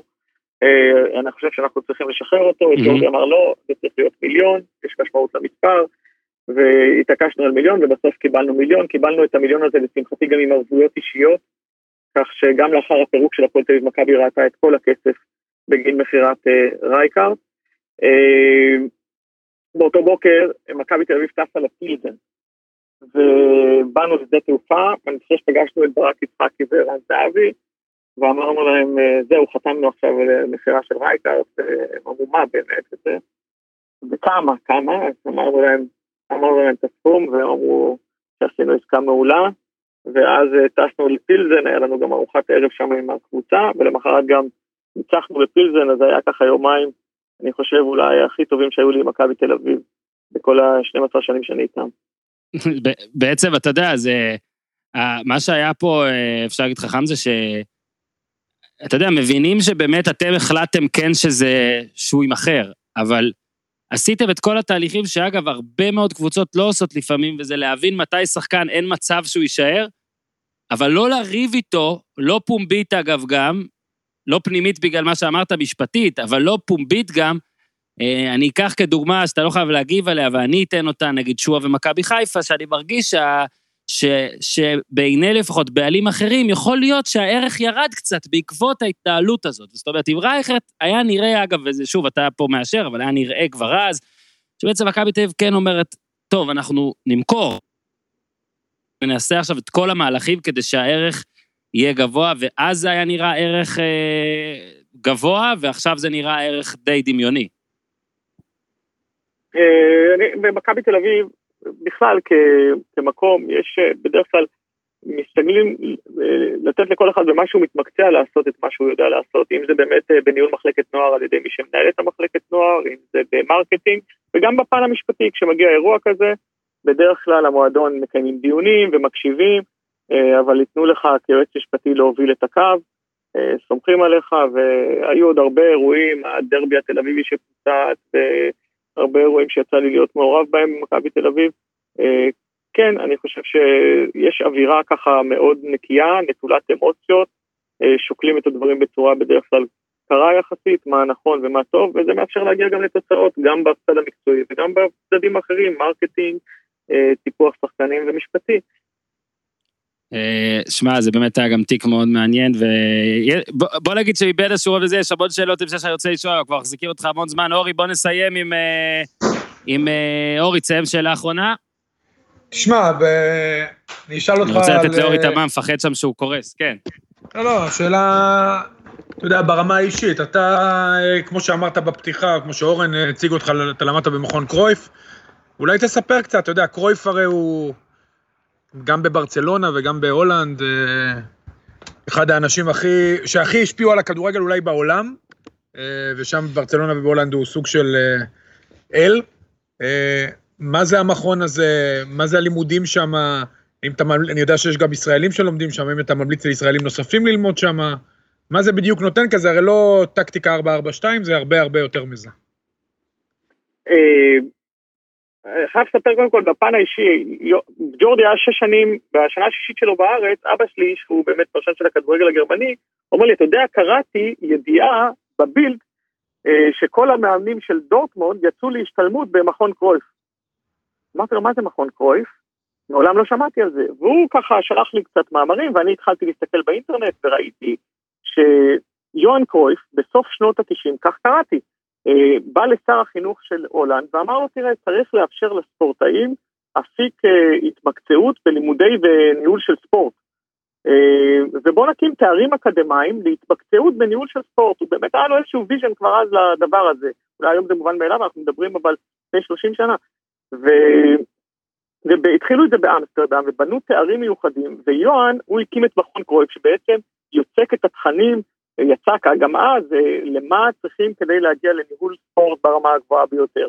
זה התפתח מאוד, היום יש 11,000 סטודנטים בכל העולם עם אוניברסיטאות בכל העולם, ואחד משיתופי הפעולה המשמעותיים ביותר שהם עשו זה עם מועדון ברצלונה, שבמסגרתו הם עשו תואר של לימודי מאסטר ב business הספורט, שאתה נמצא בתוך המועדון, בקרביים של המועדון, אה, שומע את ההרצאות, אה, מגיעים אנשים, איתי היו בתואר הזה 30 אנשים מכל העולם, ושומע הרצאות מדהימות על איך אה, אה, מנהלים את המועדון הזה, איך זה נראה, אתה גם מטייל בעוד מועדונים, גם בספרד וגם בעולם, מקבל הרצאות ממומחים על למשל מה זה קריאת דוחות כספיים בספורט, איך מבצעים marketing בספורט, איך מנוהל המוזיאון של ברצלונה, ועד איך מתנהלת גם המערכת המקצועית שלהם על ידי מישהו שהוא מהנדס מחשבים, בוגר קורס פרו שעובד בברצלונה, שמסביר לך את האנליטיקה באיך הם מנתחים את התנועה ללא כדור של מסי כמשפיעה ביותר, אתה מגיע באמת לרזולוציות בכל התחומים בצורה, מי שאוהב את זה, זה, זה מדהים, זה מרתק, זה עולם אה, אה, אה, שכדאי מאוד להיחשף אליו, ואז חשבתי שבאמת אני, אני נהניתי מזה וכדאי מאוד לייצר עוד אנשים בארץ או לתת לאנשים נוספים אפשרות, וכדי שגם להגביר פה ולהעלות את רמת הניהול המקצועני בישראל.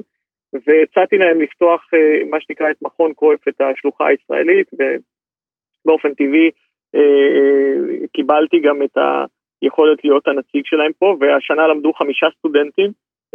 אפשר לעשות את הלימודים חלק אונליין, שזה מאוד רלוונטי להיום, ברמה מאוד גבוהה. אפשר לעשות את זה משולב, כמו שאני עשיתי אונליין וחמישה ביקורים כל פעם לשבוע בברצלונה כדי לחוות את החוויה של המועדון עצמו. היום אמרתי לכם, יש המון סטודנטים בעולם, גם הם, הם נותנים לך אפשרות להיות בוגר שלהם, וזה פותח אותך למשרות ברמה הבינלאומית בכל מיני חברות, החל מחברות ספורט כמו אדידס, נייק, ריבוק, וכלה במועדונים שפונים למכון ומבקשים את הבוגרים שלו אה, כמועמדים למשרות עבודה בעולם הספורט בכל מיני אה, תחומים, ואני רואה חבר'ה שלמדו איתי שנמצאים בכל מיני פוזיציות בעולם.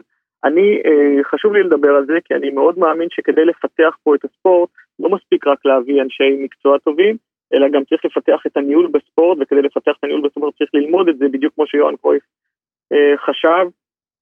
אה, לימים גם ג'ורדי ככה, דרכי, אני חושב, נחשף הרבה יותר לעניין הזה שאבא שלו הקים, למפעל הזה, שיש בו המון המון סטודנטים ופוזיציות בכל העולם. אני חייב להגיד לכם שאת עבודת הסיכום שלי בתואר שלי עשיתי עם ג'אנלוקה ויאלי, החלוץ האגדי של יובנטוס, עשינו על הקמת קרנות להשקעה בספורט, הצגנו את זה בפני ברצלונה אינוביישן האב, איך אנחנו מציעים להקים קרן בספורט, אני וויאלי השותף שלי. השבוע, ככה אנקדוטה, קראתי שהוא אה, פורסם באיטליה, שהוא החלים אה, ממחלת הסרטן, התכתבתי איתו, אז הוא אמר לי, זה עוד לא לגמרי, אבל אני בדרך לשם. אבל רק החוויה הזאת של להיות שותף עם ויאלי לעבודת אה, סיכום היא, מדהים. היא משהו שיכולתי ללמוד ממנו הרבה, כמובן פותחת קשרים בכל העולם למה שאתה צריך ואיך שאתה צריך, ואני מאוד בעד שאנשים בישראל יתמקצעו בניהול ספורט, כרגע זה לא קיים בארץ, אני בשאיפה שנוכל לעשות מסלול כזה בארץ, אני חושב שיש אולי בקריית אונו משהו, אבל אני באמת רוצה שאנשים יחוו את זה ברמה הבינלאומית ויביאו את העולם הזה לתוך uh, עולם הספורט הישראלי בכל התחומים, גם בכדורגל וגם בכדורסל, אני מניח שנהיה אז במקום הרבה יותר טוב מבחינת הספורט. הספורט יש לו uh, לא פחות חשוב מלפתח ספורטאים, זה לפתח מנהלים מקצוענים בספורט. וזה דבר שהוא מאוד חשוב לי, ואני שמח ששאלתם אותי, וזה נותן לי אפשרות לדבר על זה ולקדם את זה. כן, כן, סיפור מדהים, גם, אגב, גם יש, בכלל, בלי, ההמלצה היא באמת, אה, בין מה שאתה אומר, אה, לצאת החוצה וללמוד את הדברים האלה, יש את הקורס שדן רומן עשה, ואלברמן עכשיו עושה נכון. קורס של וופא, פיפא, להצטער אם אני עכשיו מטעה פה או טועה, אבל אולי אוזן זוכר בעל פה איך הוא נקרא, אבל זה מאוד מאוד חשוב. אגב, מה, אורי, יש לך את השם? את השם לא, אבל זה קורס של וופא, דרך אגב, אתמול נפגשתי עם דן רומן, וגם כן. דיברנו שוב, החוויות שהוא סיפר לי מהקורס, אתה יודע, אני לקחתי מכל השיחה הזאת, שמורן חבר לא, בגלל זה אני אומר, כי זה פה אומר על ויאלי, זה... כן, זהו, מורן, אני לא יודע, כן. שרייכרד, ודיברנו על חוקים, משפטים, ליגות, אני שמעתי שאתה חבר של ג'אנלוק אביאלי, פה זה נגמר. אחד האלילים שלי, אתה יודע, במונדיאל 90. כן, אני לא חושב שאפשר להתרומם מעבר לזה. ויאלי ומנצ'יני זה... כן, הרווחת את הסיום עכשיו. הגדולים. אני עוד uh, כילד, זו הנבחרת שאהדתי, ובורל, אתה יודע מה, שאלה אחרונה, תגידו, ואז אחרי האחרונה, ראית את הסדרה, אגב, ניהול כדורגל סנדרלנד טילי די? כן. יש גם עונה שנייה. כן. אני, אני יכול לשאול אותך רק שאלה אחת על זה, אני רוצה לעשות על זה פרק, או לפחות פרק, אולי אפילו יותר מזה. אה, איך היה עבורך לראות מישהו שעבדת איתו, כלומר תלבד, ואיך שהוא הוצג שם? רגע, ועוד שאלה, האם אתה חושב שיום אחד אפשר יהיה לעשות סדרה כזאת גם בישראל, באחד המועדונים הבכירים? אז אני אענה לך על שניהם. אחד, אה, על סנדרלנד 'Til I Die, נודע לי לפני שזה יצא בנטפליקס, למה? נסעתי למשחק של נבחרת ישראל בסקוטלנד, ומרטין גר בגלסגו, והוא פגשתי אותו, ואז הוא אמר לי, תשמע, אני הולך להופיע באיזה סדרת טלוויזיה, לא הבנתי בדיוק את המשמעות של זה באותו רגע. אבל הוא אומר לי, עשינו סדרה, הוא כבר לא היה בסנדרלנד, זה היה אחרי, הוא אמר לי, אה, עשו סדרה על סנדרלנד בנטפליקס, וזה הולך להיות בטלוויזיה, ובאמת אה, אחרי כמה חודשים פתאום זה יצא בנטפליקס, הבנתי אה, על מה הוא דיבר איתי. אז כן, להגיד לך, זה מרטין שאני מכיר, והייתי איתו בקשר טוב שהוא היה פה, והיה ככה מעניין לראות את זה מהצד. פחות אהבתי את הקטע בעונה השנייה, שהיה מאוד נוח להאשים את מרטין בכישלונות mm-hmm. או בכל מיני דברים. Uh, זה אני חושב שאני לא אוהב לבוא למקום ולהאשים תמיד את אלה שהיו לפניי, צריך להסתכל מה לעשות. אבל כן, עם אתה טיפולים בגב וזה.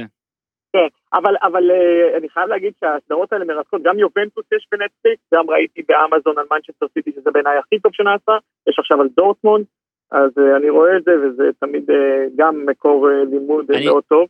בקשר לשאלה שלהם אפשר לעשות את זה בארץ, אז אני אספר כן, לך, אורי, כן. שכבר הייתה פנייה של חבר שלנו, ירון ליכטנשטיין, אם אתה מכיר אותו, למכבי תל אביב לעשות דבר כזה. הדבר הזה אפילו נבחן.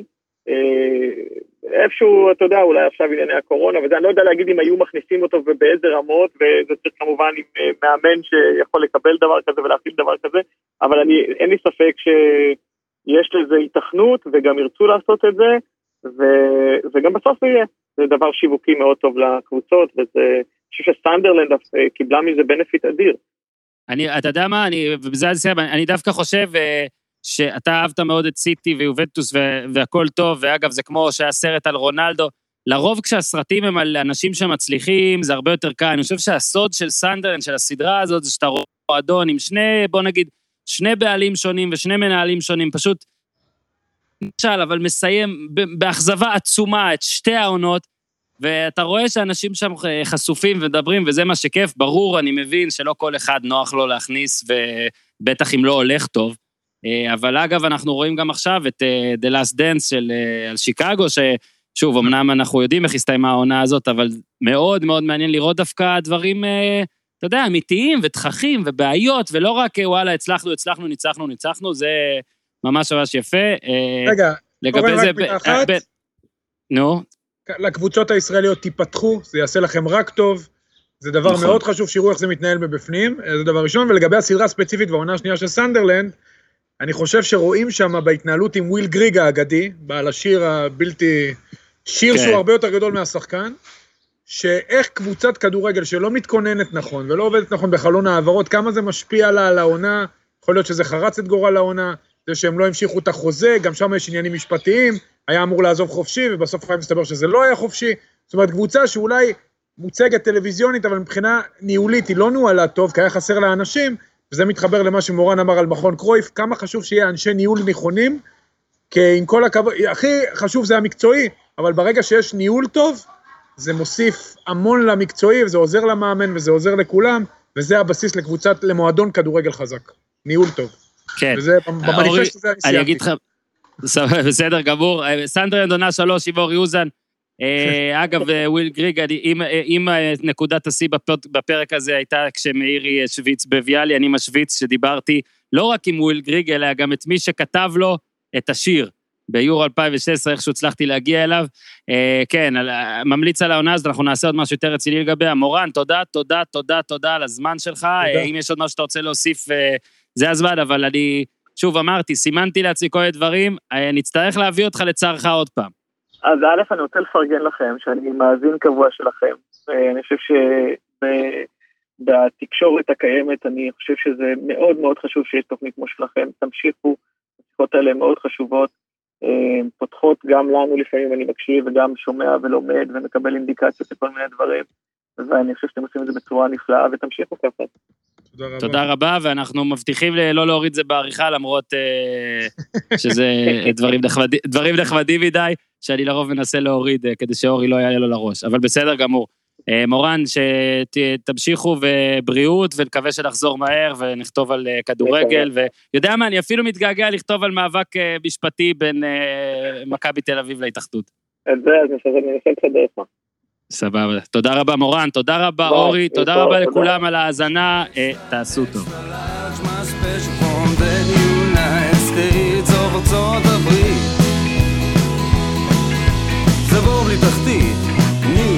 תל אביב סיטי